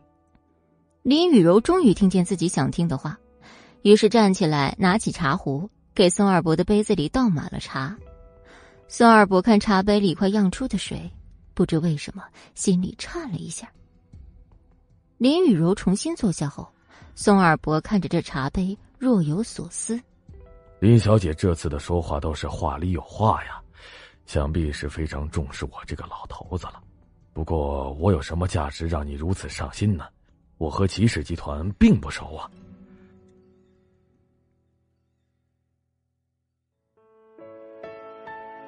七十二集，二伯果然是聪明人。那你站在哪边？我们林氏以前确实和骑士集团有过节，但现在不一样了。当年你们上一辈的那些事儿，祁连松的儿子应该不知情吧？我自有办法。宋二伯知道林雨柔这是在暗示自己，现在这样是敌是友。自己一定要掂量清楚。林小姐既然有了计划，那么告诉我这个老头子就行。我就是一个粗人，如果能帮到林氏，那也是我的福分。两人在这周旋半天，其实都是一种试探。宋二伯现在唯一的价值，就是作为一个当年事情的知情者，其他的他还真的没有任何价值。莫千行还有宋冉回屋子后。同事们在院子里算是彻底解放自我了。暮云答应思慕交往，大家就自觉给他们留一个角落，用来谈情说爱。思慕见暮云东张西望，于是打趣儿道：“你现在不应该盯着我这个男朋友看吗？为什么一直看向别处？我不满意你现在的态度。你不觉得周围的人很怪吗？我怎么感觉一直有人偷看我们？”思慕若有所思，然后伸手指了指不远处：“你看看那边，是不是有人在看我们？”暮云顺着思慕指的方向，那边明明连个人影都没有。好啊，思慕竟然耍我！就在暮云转头面向思慕的一瞬间，思慕的脸贴了过来。由于两人距离站得过近，暮云在转头向思慕这边看时，便吻上了他的嘴巴。嘴巴上的触感给他带来的感觉像电流一样，酥酥麻麻的。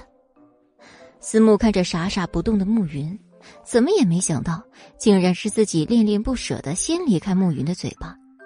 因为他用余光瞥到小设计师正往这边看，他只好作罢。暮云眨了眨眼睛，这才反应过来自己刚才做了什么蠢事。思慕笑着再次靠近暮云。暮云赶紧往后退了几步，思慕抓住暮云的手腕。我想，你这是第一次谈恋爱吧？谁说的？才不是！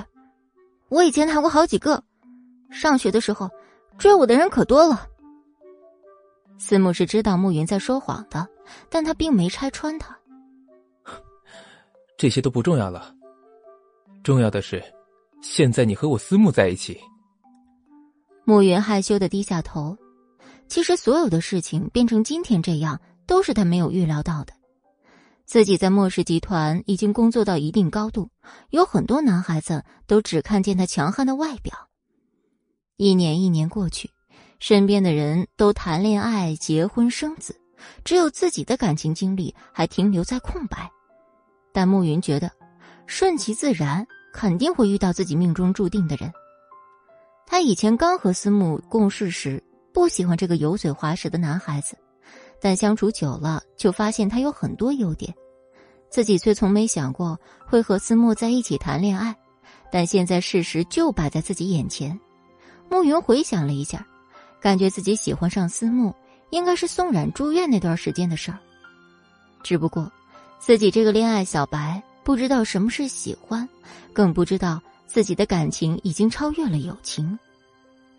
思慕对自己的感情一天比一天直白，自己从一开始的躲避到现在敢于面对。也是一种进步。宋冉在厨房里开始自己的独家青菜鸡蛋面制作。最近他还喜欢上了烘焙，王妈是非常支持他做这些东西的。倒是莫千行一直在他跟前强调注意安全。时间长了，宋冉都会感觉自己不认识莫千行这个婆婆妈妈的人了。想到这些小事，宋冉就会不自觉的嘴角上扬。现在他非常知足，莫千行待自己是极好的。几分钟后，宋冉端着自己亲手做的面条来到沙发旁边，看见莫千行不知什么时候已经闭上双眼，这样子应该是很累吧。宋冉以为他睡着了，于是轻手轻脚的把面条放在桌上。下一秒，莫千行动了下，便睁开了眼睛。你做好了？怎么放桌子上？快端过来，让我尝尝你现在的手艺有什么进步吗？果然，莫千行还是不说话的时候比较招人喜欢。虽然心里是这样想的，但宋然可不敢说出来。他把放下的碗再次拿起，递给莫千行：“喏，莫少爷，赶紧品尝一下吧。”莫千行挑挑眉，最近宋冉这小姑娘真是越来越爱玩角色扮演了。接过这碗面条，莫千行用实际行动证明好不好吃这个问题。等碗再到宋冉手里时，里面已经一干二净了。两人相视一眼，不约而同的笑起来。莫千行看了看时间，然后站起来摸摸宋冉的头：“现在时候已经不早了，你先上楼休息着吧，我去外面看看，思慕这个家伙有没有好好给我收拾院子。”哎呀，我差点忘了。今天思慕会向慕云告白，现在也不知道他们怎么样了。宋冉一边说话一边往屋子外面看，但莫千行挡在他面前。莫千行知道宋冉是八卦体质又犯了，于是他亲自把宋冉领到了楼上。临下楼前，莫千行还一本正经的说：“用不了多久，他们的孩子就要出来了，你大可放心思慕的行动力。再说了。”慕云肯定是喜欢他的，不然我怎么可能会同意这场烧烤聚会呢？宋冉点点头，感觉莫千行的话非常有道理。自己还没来得及说什么，莫千行便已经离开了卧室。三集，莫千行来到楼下时，院子里已经没有几个人了。小设计师看见不知从哪儿出来的莫千行正向自己走来，内心十分忐忑，心里面现在有一万种猜想，甚至怀疑是林雨柔的行动失败了，从而导致自己的暴露。莫千行离自己越来越近，小设计师实在不知该怎么办才好。思慕，你为什么还不收拾院子？小设计师吓得腿都发抖了，结果。便听见莫千行说了这么一句话。原来他根本就不是来找自己的。小设计师转头便看见距离不远的思慕还有暮云，还好没有人发现自己的尴尬。小设计师强颜欢笑的看着莫千行从自己身边路过，思慕牵着暮云的手来到莫千行的面前，很明显，思慕今天晚上表白计划成功了。暮云发现。莫千行的眼神转到了他和思慕牵着的手，出于条件反射，他想要去挣脱。思慕感受到暮云的反应，赶紧把慕云的手牢牢抓住。慕云只好冲着莫千行笑笑说：“莫总好，宋冉小姐已经休息了吗？你们两人下午吃饭了吗？”一张口就把莫千行当成中心而转。思慕在心里很是吃醋，莫千行是一个明眼人，看见他们两个有情人终成眷属，自己也很开心。你和思慕能在一起也是一件好事，还请你以后多多监督他，不要让他在工作上面偷懒。宋然已经上楼去休息了，我来看看你们的情况。既然你们成功的在一起了，那么在私底下就更别见外了。莫千行一下子说了那么多话，莫云感觉自己回去一定要好好消化一下。莫总没有什么表示吗？比如把慕云彻底调到我们设计部，你看这个要求不过分吧？莫千行的目光转向思慕，然后露出自己狡猾的微笑。通常露出这种微笑，就是有人要倒霉了。莫千行还没开口，思慕赶紧解释：“啊，不不不，刚才说话的人不是我。我觉得我很满意我的现在，谢谢莫总多年的栽培。”暮云看见前后态度变化这么快的思慕，真的很认真的憋笑了。莫千行看了看院子，缓缓说。今天晚上把院子给我打扫干净，不然你明天就不用来公司上班了。以后你的位置就可以让暮云直接顶替了，反正要你也没什么用。说完这些话，莫千行没有去看思慕的表情，便转身离开了。暮云知道自己现在不能笑出声音，但还是没忍住。思慕感觉莫千行是在戏耍自己，但人在屋檐下哪能不低头啊？毕竟莫千行可是他一切的经济来源，只好承包了今天院子里的卫生。宋冉在床上面躺着，正玩游戏呢，屏幕上方弹出一条陌生的短信，他没有在意，直接用手指轻轻一划便忽略掉了。现在他一心只有游戏，这是一种游戏精神，坚决不为了别的事而转移自己的注意力。宋冉一直等自己的游戏成功通关了，无聊了，才想起来那条被自己忽略的陌生短信，返回到主页面，然后点击短信。早知道里面是那些东西，宋冉是一定不会好奇打开的。短信的内容是：当年的事情早晚会水落石出，你全家都是杀人凶手。宋冉，你爸爸妈妈害死莫千行的父母，现在你怎么还有脸待在莫千行身边？听说你怀孕了，你说莫千行的父母会不会死不瞑目啊？宋冉不知道自己是怎么把这消息看完的，他感觉是有人在报复自己。手机不知什么时候已经掉到了床上，他颤抖的用手把手机再次拿起，看着短信的发件人，他鼓起勇气打过去。时间一分一秒过去。手机那头并没有人接听，宋冉波澜不惊的心里因为这陌生的短信出现了层层波浪。在他的心里面，一直以来都是坚信当年的事情，自己的父母是被陷害的。可是过去了这么久，竟然又有人把这件事翻出来。莫千行推开门进来，看见的便是坐在床上对着手机发呆的宋冉。他轻手轻脚的走进来。宋冉没有任何察觉，整个人还在想着这条陌生短信的事儿。发什么呆呢？是不是游戏又玩不过去了？宋冉一缓过神儿，看见已坐在自己身边的莫千行，吓得一个激灵，他下意识的把手机放到了被窝里。啊，游戏实在是太难了，我玩了好几局都没过关。你现在是一个孕妇，可不能长时间的看手机。玩游戏，这些事情都是对小孩子不好的行为，你一定要学着自己控制啊。宋冉听见莫千行唠叨着关心自己，他真的很满足自己现有的生活，手环上莫千行的腰，在他怀里蹭了蹭。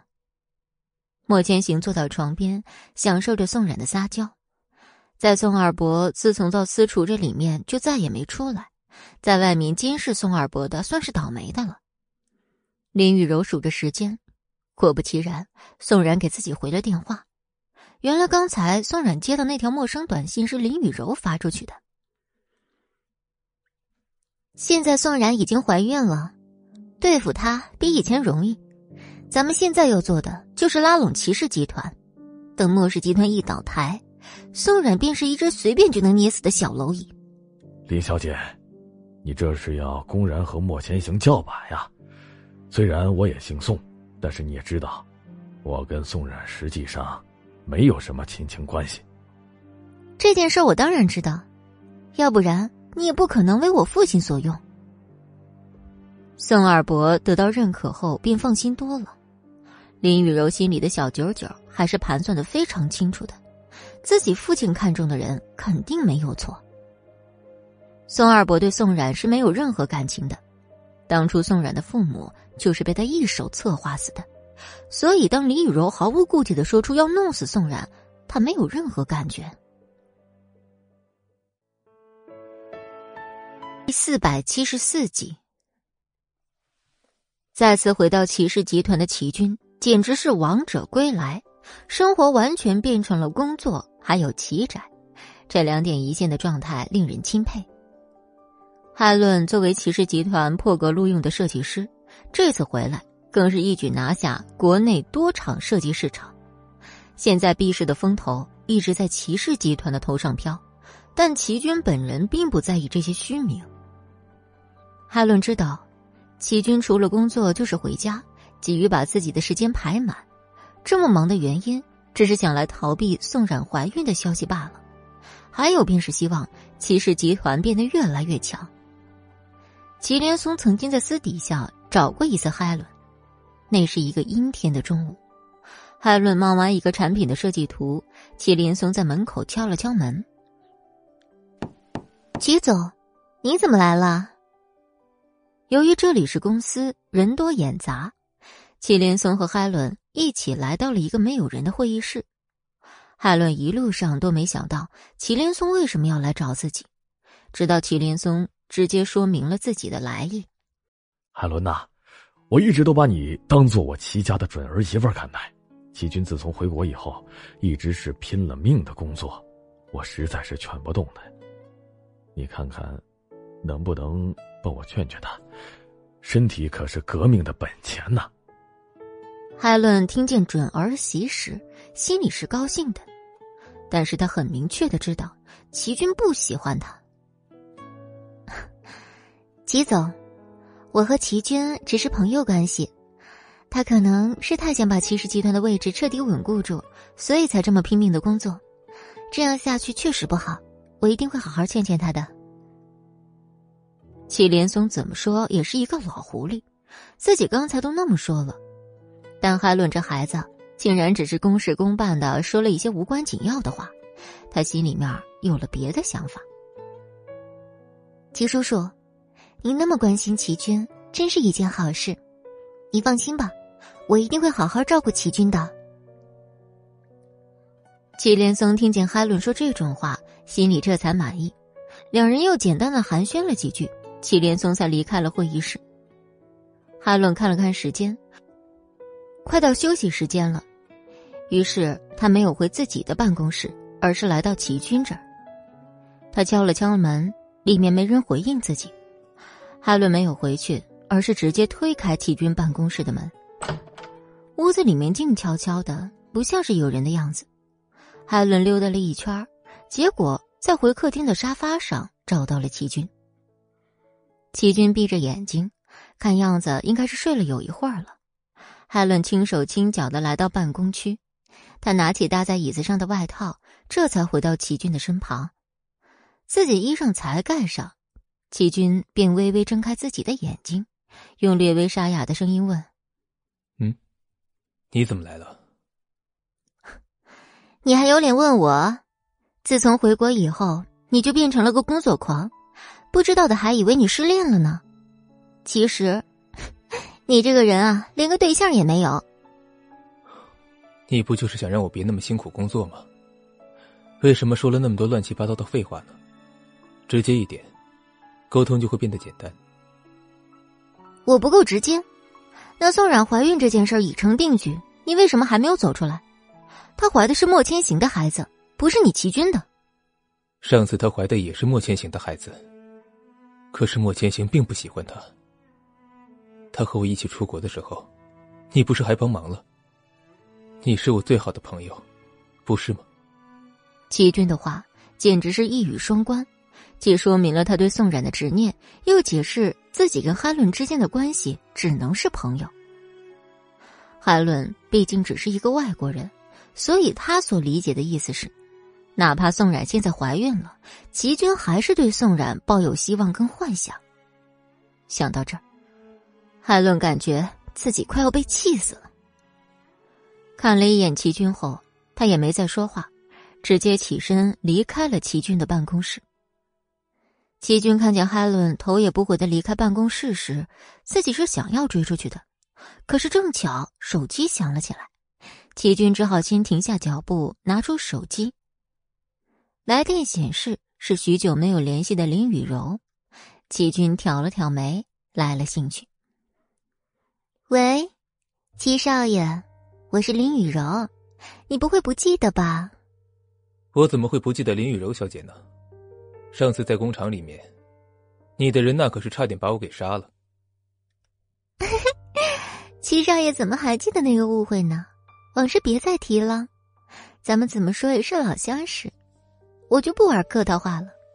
现在齐氏被你管理的这么好，你看，咱们两家集团要不要联手发展啊？怎么，林氏集团是快要倒闭了吗？怎么会和我们骑士那么小的集团谈合作？我上哪能高攀你们家呀？林雨柔这边听着齐军阴阳怪气的话，其实自己早就气得牙痒痒。不过现在是特殊时期，林雨柔自然不会因为个人心情而导致什么错误出现。齐少爷可真会说笑，这电话只是先打来问候。既然你没拒绝我的提议，那自然是有机会见上一面喽。最后这句话不像是疑问，更像是一个肯定句儿。齐军虽然不知道林雨柔心里在打什么如意小算盘，但是还是如他所愿的答应了。林小姐说话句句在理，我怎么可能会拒绝你呢？明天见吧。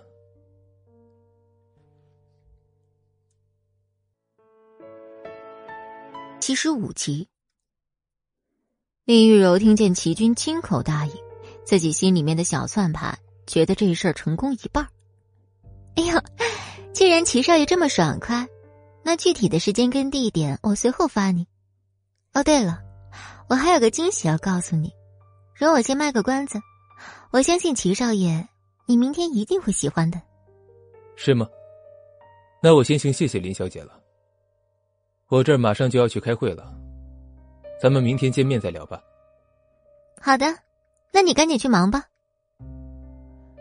齐军有礼貌的说了再见以后，这才挂断了电话。虽然自己实在不想跟林雨柔在电话上浪费时间，但是他最后说的这个见面礼确实很让齐军好奇。跟林雨柔打电话真的太浪费齐军的时间了。不过今天林雨柔这个电话打的太可疑。齐军站在原地。忽然想起，自己本来是要起身去找海伦的。他看了看时间，已经过去十多分钟了，估计海伦都要被气死了。女人啊，真是地球上一种奇怪的生物。虽然齐军还没有琢磨透，但是他觉得把海伦哄好，自己还是很有信心的。宋冉的肚子显怀以后，这日子一天比一天难过了。这周。宋冉正在揉面，准备跟王妈包饺子吃，站着没几分钟，就觉得自己小腹非常痛，她赶紧捂住自己的肚子，然后对王妈说：“王妈，我小腹痛。”王妈虽是个过来人，但宋冉的身子底子不好，现在已经能看出肚子的变化，所以宋冉有什么情况，自己一定会注意的。看着宋冉紧张的神情，王妈自己也乱了阵脚。冉冉小姐，你怎么了？怎么突然肚子疼？用不用我打电话给莫总？咱们去医院吧。他紧张的脑子里只能说出这些担忧，然后赶紧走到宋冉的身前去扶他的胳膊。宋冉感觉自己的小腹一阵阵抽痛，他向着王妈指着的沙发，表示自己想去坐下休息。每一步都有些艰难，宋冉现在。自己心里也很害怕。看着缓缓坐下但脸色还是不好的宋冉，王妈转身想去给莫千行打个电话说一下。宋冉看出王妈的举动是合意，用自己有气无力的声音说：“别，你别去了，因为我怀孕，千行已经为我浪费太多时间了。我现在坐下，觉得肚子舒服多了。冉冉小姐啊，你真是太善解人意了，你这么善良懂事，肚子里的小娃娃一定会平平安安的。”王妈，你这么夸我，我都不好意思了。我对肚子里这小生命没什么太大的期待，只要他平平安安，那我便安心了。这时候，里面的小生命像是知道自己刚才太顽皮，痛到了宋冉。现在听完宋冉说的话，已经逐渐安静了下来。宋冉的脸色也在慢慢好转。王妈这下放心的离开了沙发，去给他倒了杯水。等到自己肚子彻底不疼以后，宋冉觉得肚子里的孩子一定是听懂了他说的话。这种感觉是没有办法形容的，反正就是很神奇。冉冉小姐啊，你突然说自己肚子疼，可真是太吓人了。我觉得这事儿还是有必要告诉莫总，不然我总觉得不安心呢。宋冉虽然表面上点点头，但是在自己心里，感觉这种小事儿没必要徒增一个人的担忧。一直到晚上，莫千行回家时，宋冉无意中想起今天自己发生的事儿，他主动坐到莫千行旁边，脑海里面过了一遍自己要解释的话，这才把今天上午包饺子时小福突然超痛的事说了出来。莫千行没有说话。一直在认真的听宋冉说话。宋冉一边说话，一边悄悄偷看的莫千行。果不其然，宋冉发现他紧皱眉头。这下自己心里可真是七上八下了。等自己讲述完这件事儿，并主动给王妈澄清说她没问题。通常这种时候，莫千行感觉对自己的愚蠢小姑娘真的是很无奈。想象很美好，现实很残酷。一直到吃完晚饭上楼，莫千行都没有再跟宋然说话。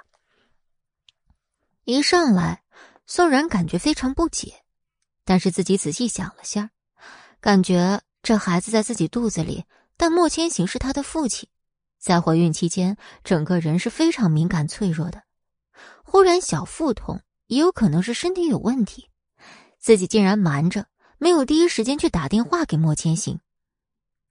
宋冉明白以后，自己慢慢上了楼，推开卧室门，发现是空的。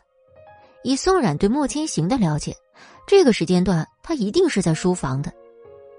果不其然，宋冉从书房的门缝看见了亮光。宋冉还没进来，莫千行在里面就听见了他的脚步声。生闷气归生闷气，莫千行还是放下手里的东西，起身走过去推开了门。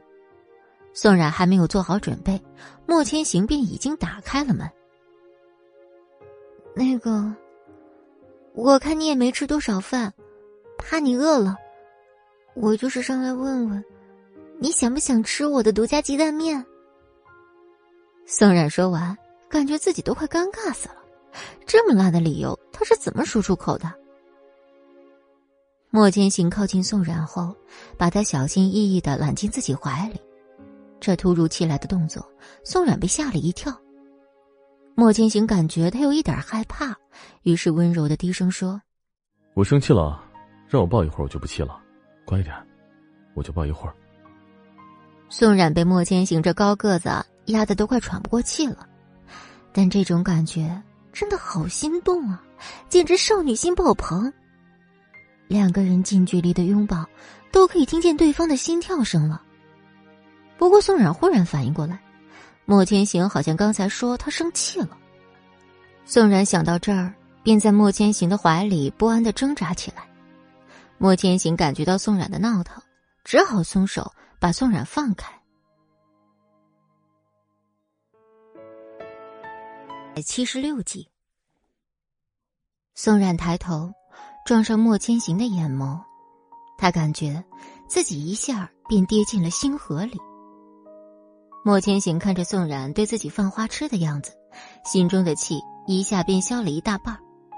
怎么都要当妈妈的人了，还犯花痴啊？你刚才说你生闷气了，你为什么生气？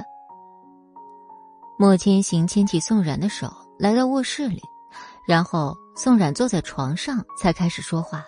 我生气是因为你肚子疼，第一时间没有告诉我。我觉得这种事情，我应该第一时间就知道。虽然你没有事情，然后在回我家的时候也告诉了我，可是我会生气的。我这样说，你能明白吗？宋冉认真的点头，然后回握莫千行的手，以表自己的态度。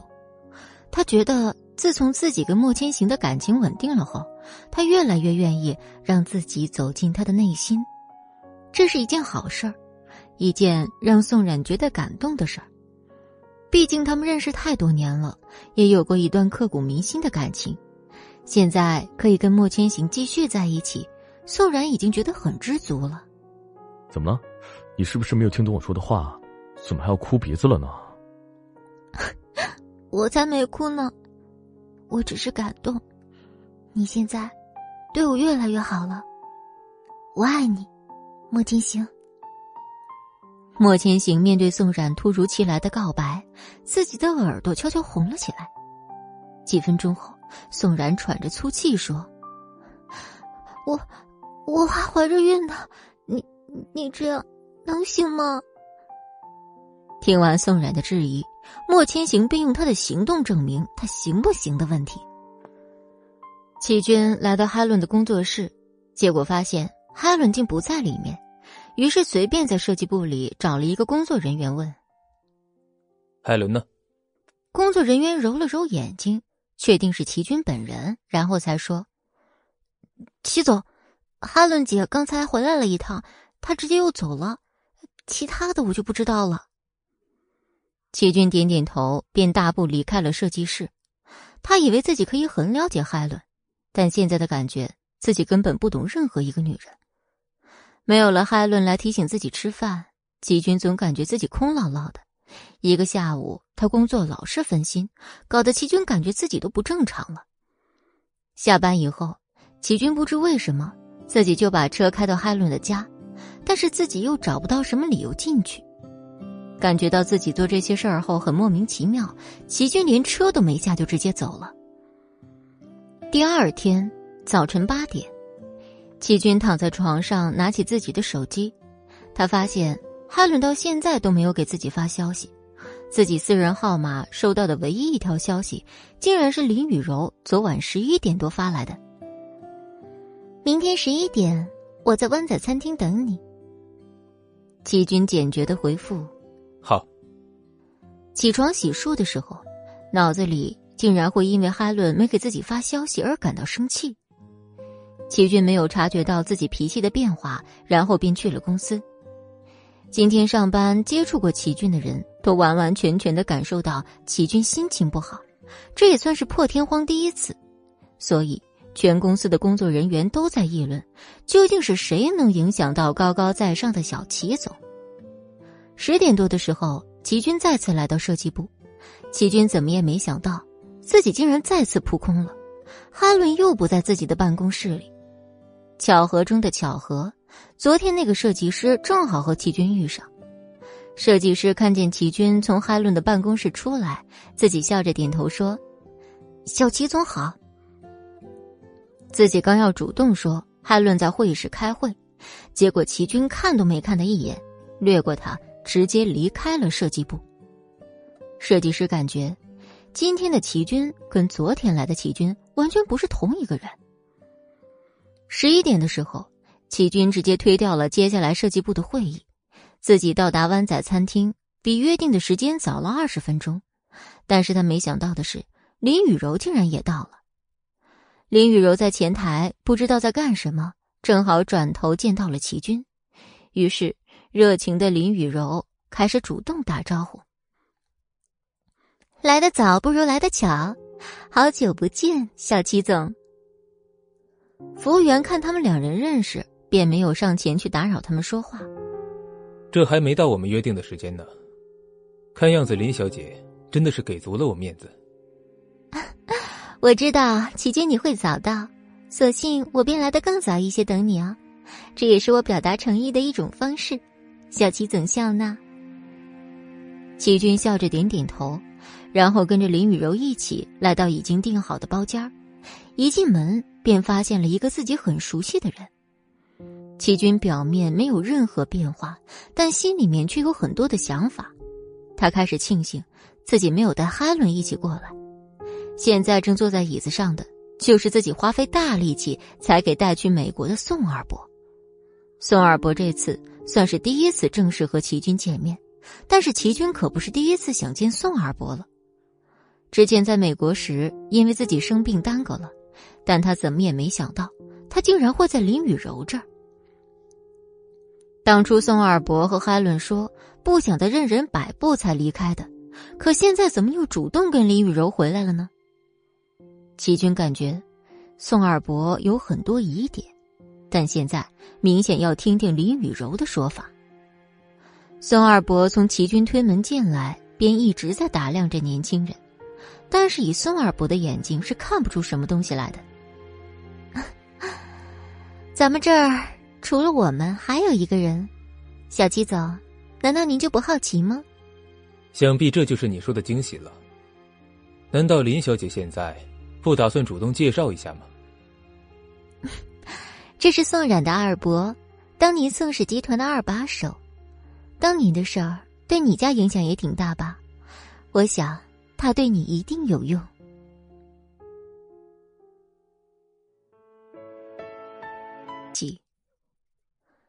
齐军看了一眼林雨柔后，便把眼神转移到宋二伯身上。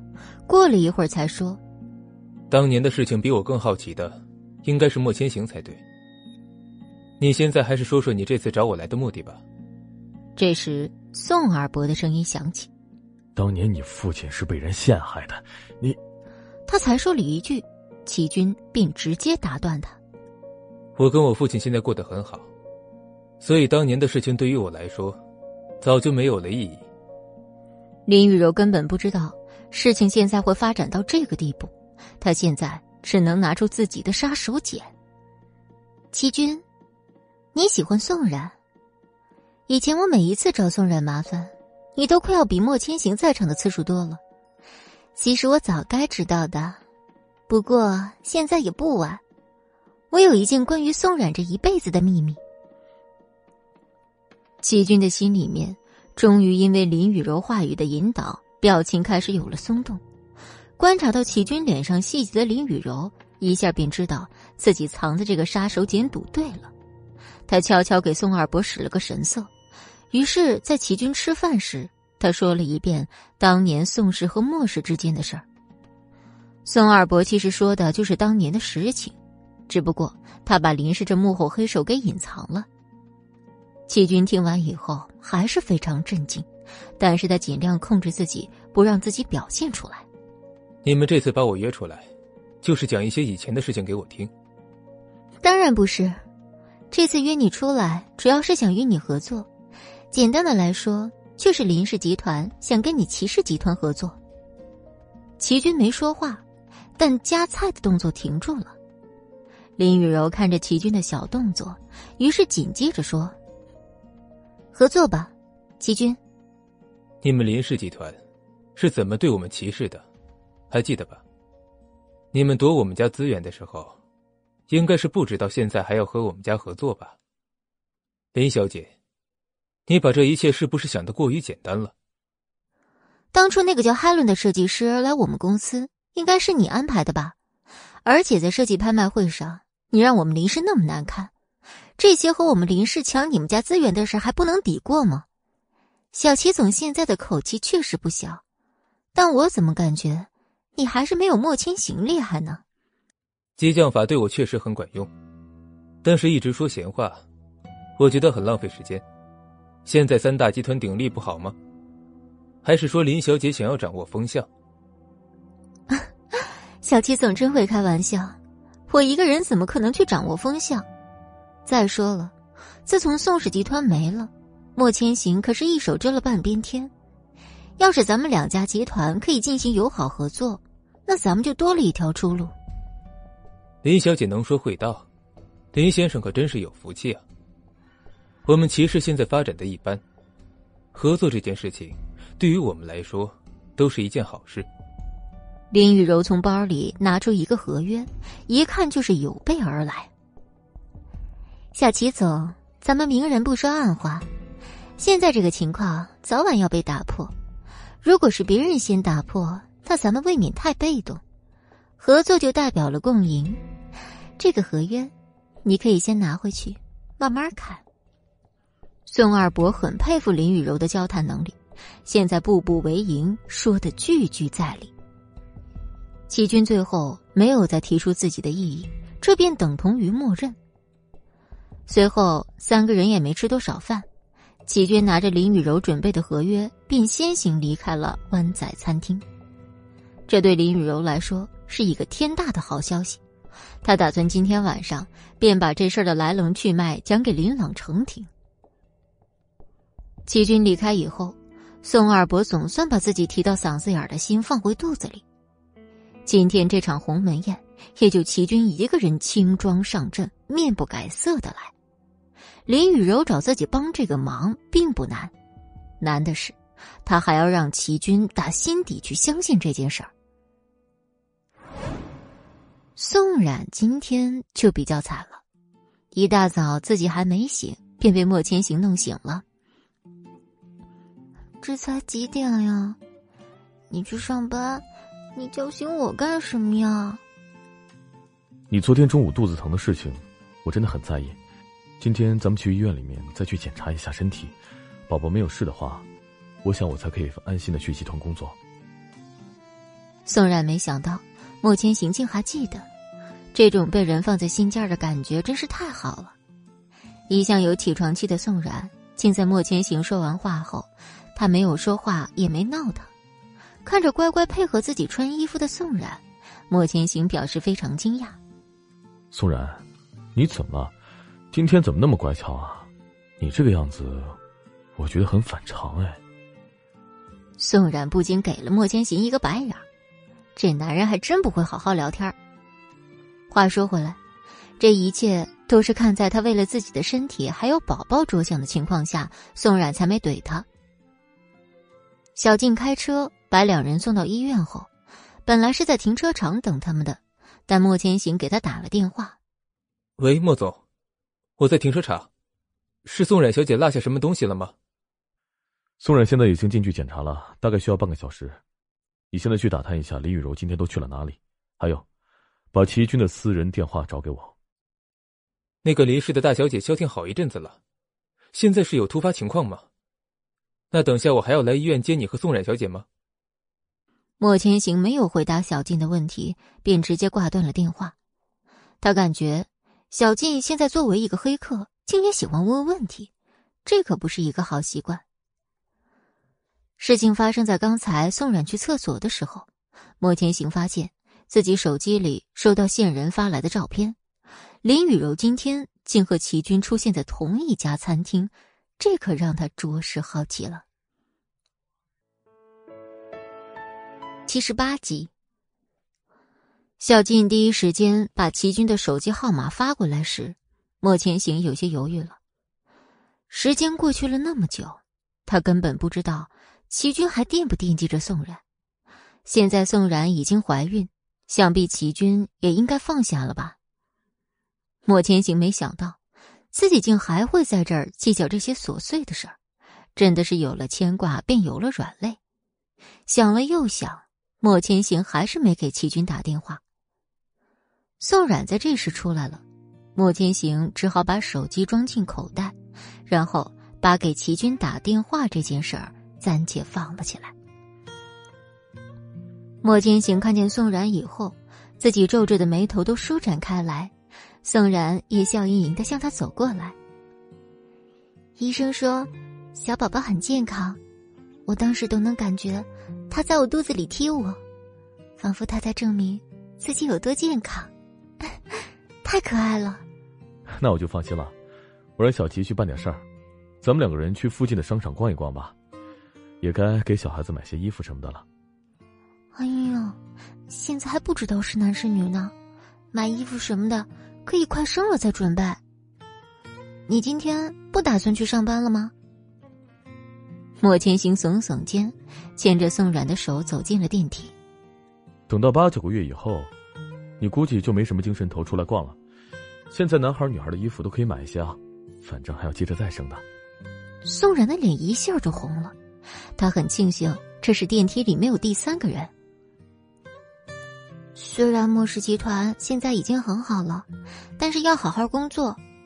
我这个孕妇过得太安逸，老觉得会有不好的事儿发生。公司又不是离开我就不能赚了，你怎么每一天都在催促我去公司呢？你放心吧，我一定会好好的保护你和肚子里的宝宝的。宋然也不知自己是怎么了。可能真的是怀孕太过平静吧。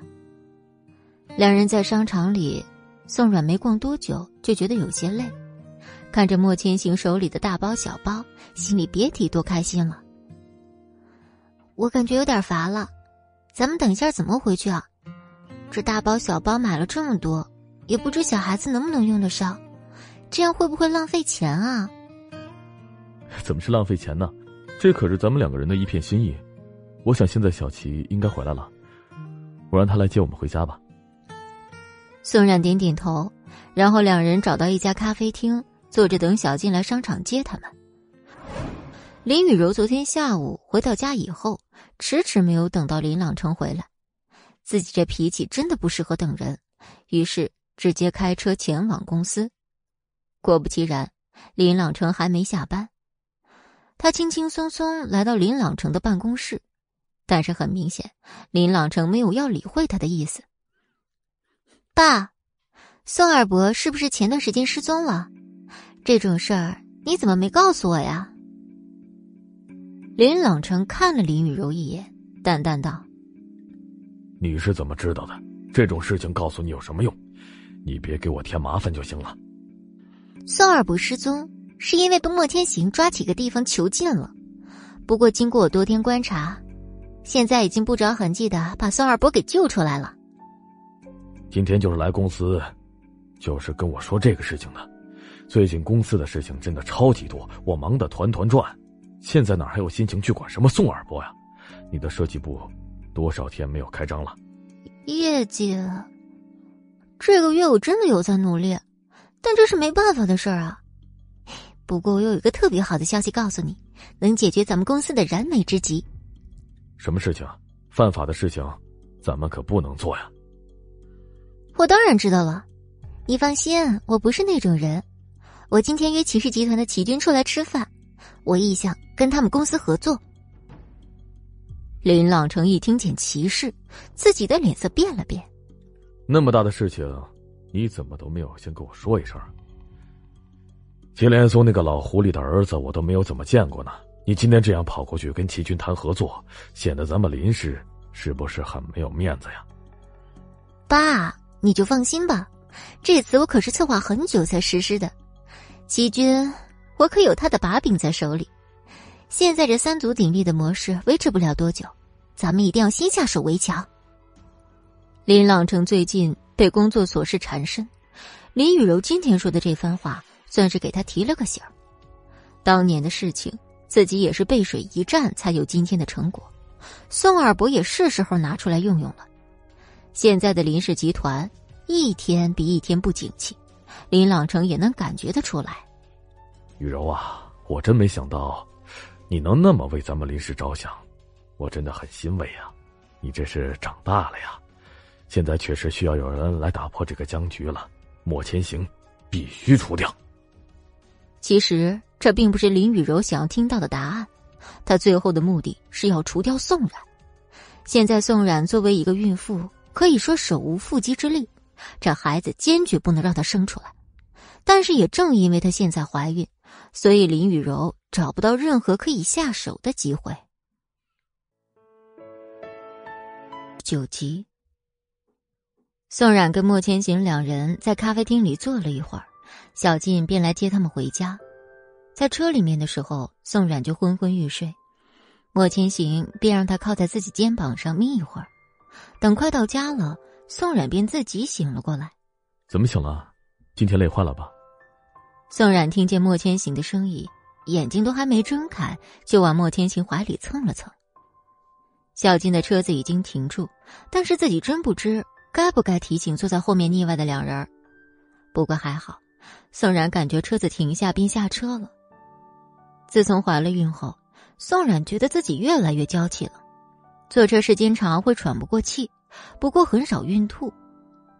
两人手牵手往屋子里走，莫千行亲了亲宋冉的额头：“你自己玩一会儿啊，我现在需要上楼处理一些公司的事情。”宋冉乖巧的点点头，跟莫千行挥手告别。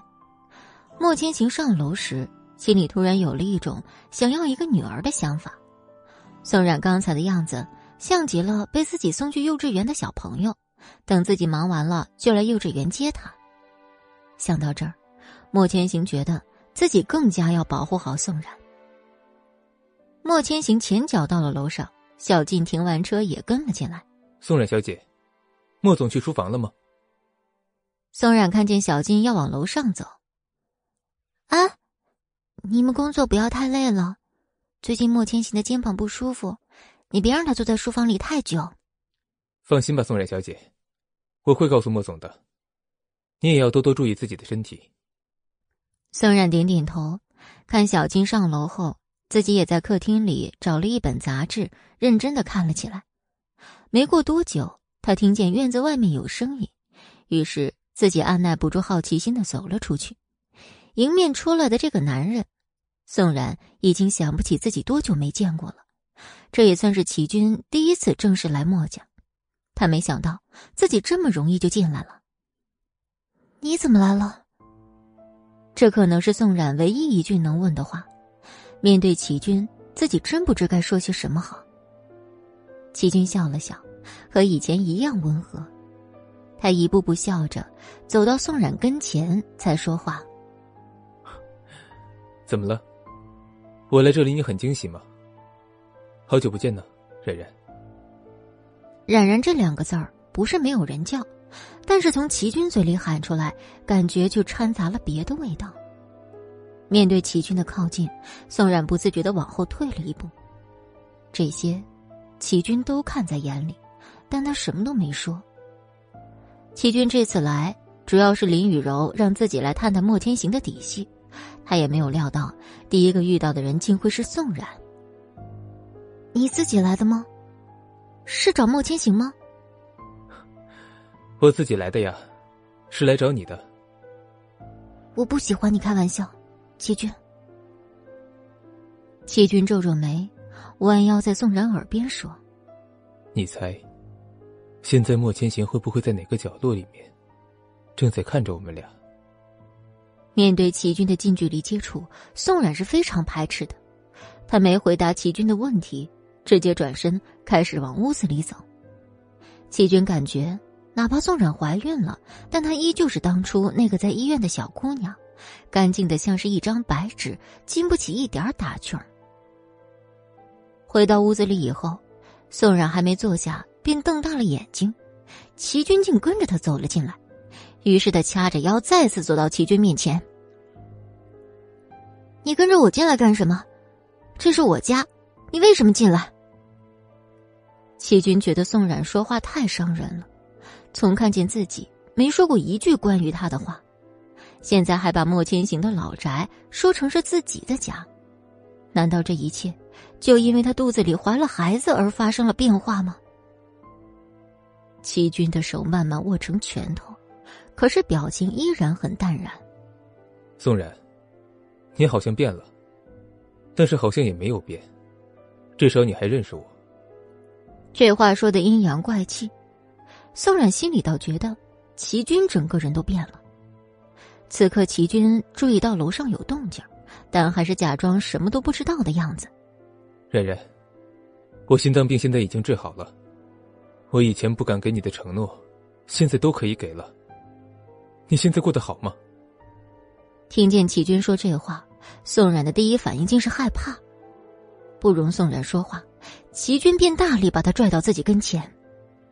你为什么不说话？这有什么好考虑的？冉冉，莫千行有的，我都会有的。你第一个孩子的下场，你忘记了吗？齐军，你弄疼我了，你放手，齐军。听见齐军提起第一个孩子，宋冉的神情有一丝不自然。齐军明显感觉到自己心里因为看见宋冉的难受，竟有了一丝愉悦。他抓着宋冉的手，不断的用力。他大声的说：“冉冉，你这个孩子真的是莫千行的吗？你不是要报复他的吗？你们是仇人呐！”宋冉现在的表情别提多难看了，可是他没说出一句话。齐军得意的笑了，下一秒便把宋冉拽进自己怀里。这时，莫千行的声音从楼上传来。你弄疼他了，你没听见吗？放开你的脏手！感受宋冉颤抖的身子，齐军觉得自己的恶作剧已经达到想要的效果。莫千行下楼的速度，正是因为齐军现在还抱着宋冉而加快。但齐军赶在莫千行下了时，在宋冉的耳边小声说：“莫千行的父母地下有知的话，肯定会死不瞑目的。”这句话的威力。比齐军今天对他说的所有话威力都大，相当于最致命的一击。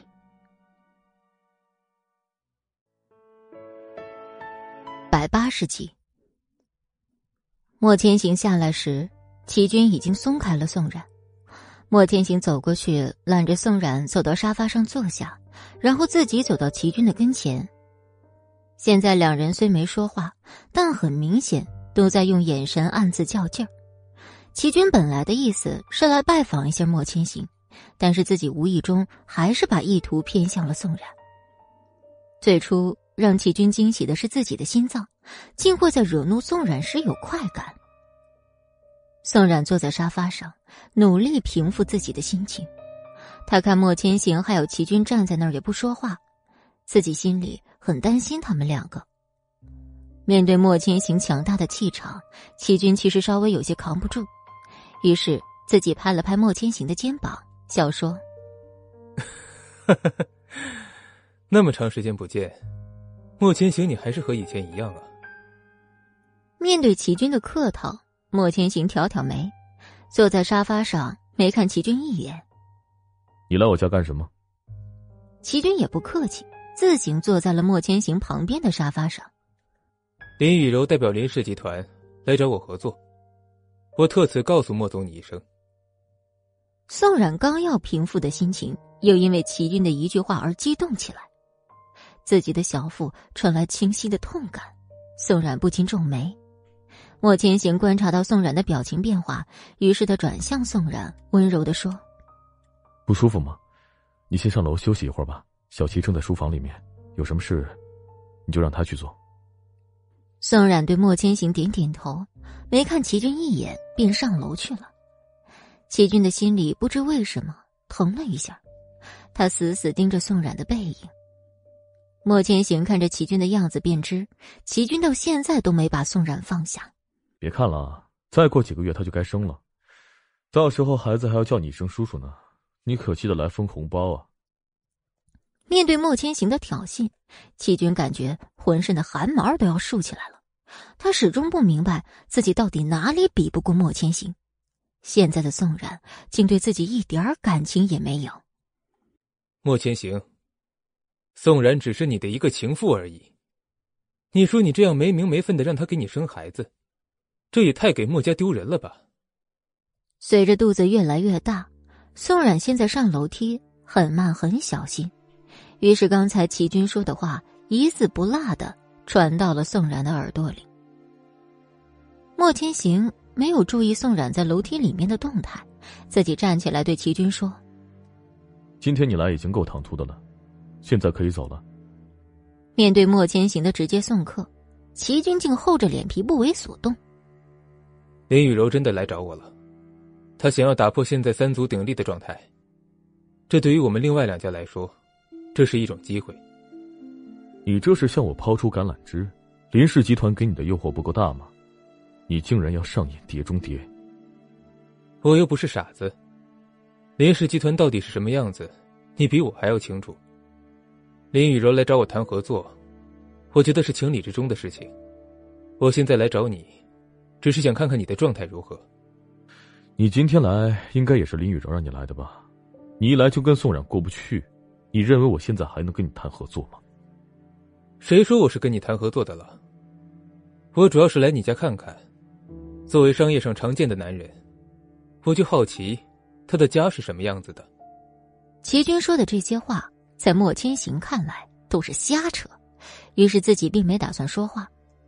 刚才在书房时，小金已经拿到林雨柔和齐军在湾仔餐厅吃饭的监控，想必齐军现在也已经见过宋二伯了。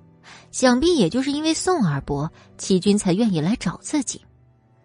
自己当初费那么大的功夫把宋二伯从美国带回，现在是因为放长线才给林雨柔送过去。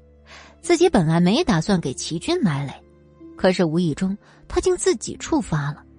想必自己在美国把宋二伯劫回来的事儿，齐军直接认定是林雨柔做的。莫千行，你为什么不说话？齐军快沉不住气了，可莫千行根本没有要说话的意思。当年你家出的那件事情是林朗成做的，如果你愿意的话，我以后会把证据交给你。莫千行这突然的一句话，搞得齐军一头雾水。莫千行再次起身，看着齐军，一字一句的说道：“不管你是和林氏集团合作，还是和莫氏集团一起对抗林氏，这都是你自己的选择。当年的事情一连牵扯了那么多年。”现在也是时候该结束了。自己的母亲因为当年父亲出轨的事情去世，这是齐军心中永远抹不掉的痛。齐军也站起，对着莫千行说：“我凭什么相信你？当年你家、我家还有宋冉家都相继出问题，最终受益的人是谁呢？这是最简单的排除法了。其实我也是最近才悟出来的。好在现在一切都不算晚，我想。”你应该明白我的意思。虽然莫千行没直接拿出证据，但这番话确实给了齐军很多新的看法。不过这完全不影响两人现在对立的关系，毕竟选择权还掌握在自己手里。林雨柔约我吃饭的时候，我在饭桌上见到了宋二伯。他说我们家当年的事情，都是你们莫家做的。你有什么要解释的吗？你这是在自欺欺人吗？还是觉得你自己？应该相信林雨柔，这一点你也太不如祁连松了。其实，齐军的心里早就已经有了答案，只不过莫千行竟说自己愚蠢，这让齐军很不开心。他没再说话，直接离开了莫家。临走时，莫千行跟他说了最后一句话：“以后离宋然远一点今天你弄疼他的账，我暂且记着。”他果然是个睚眦必报的人。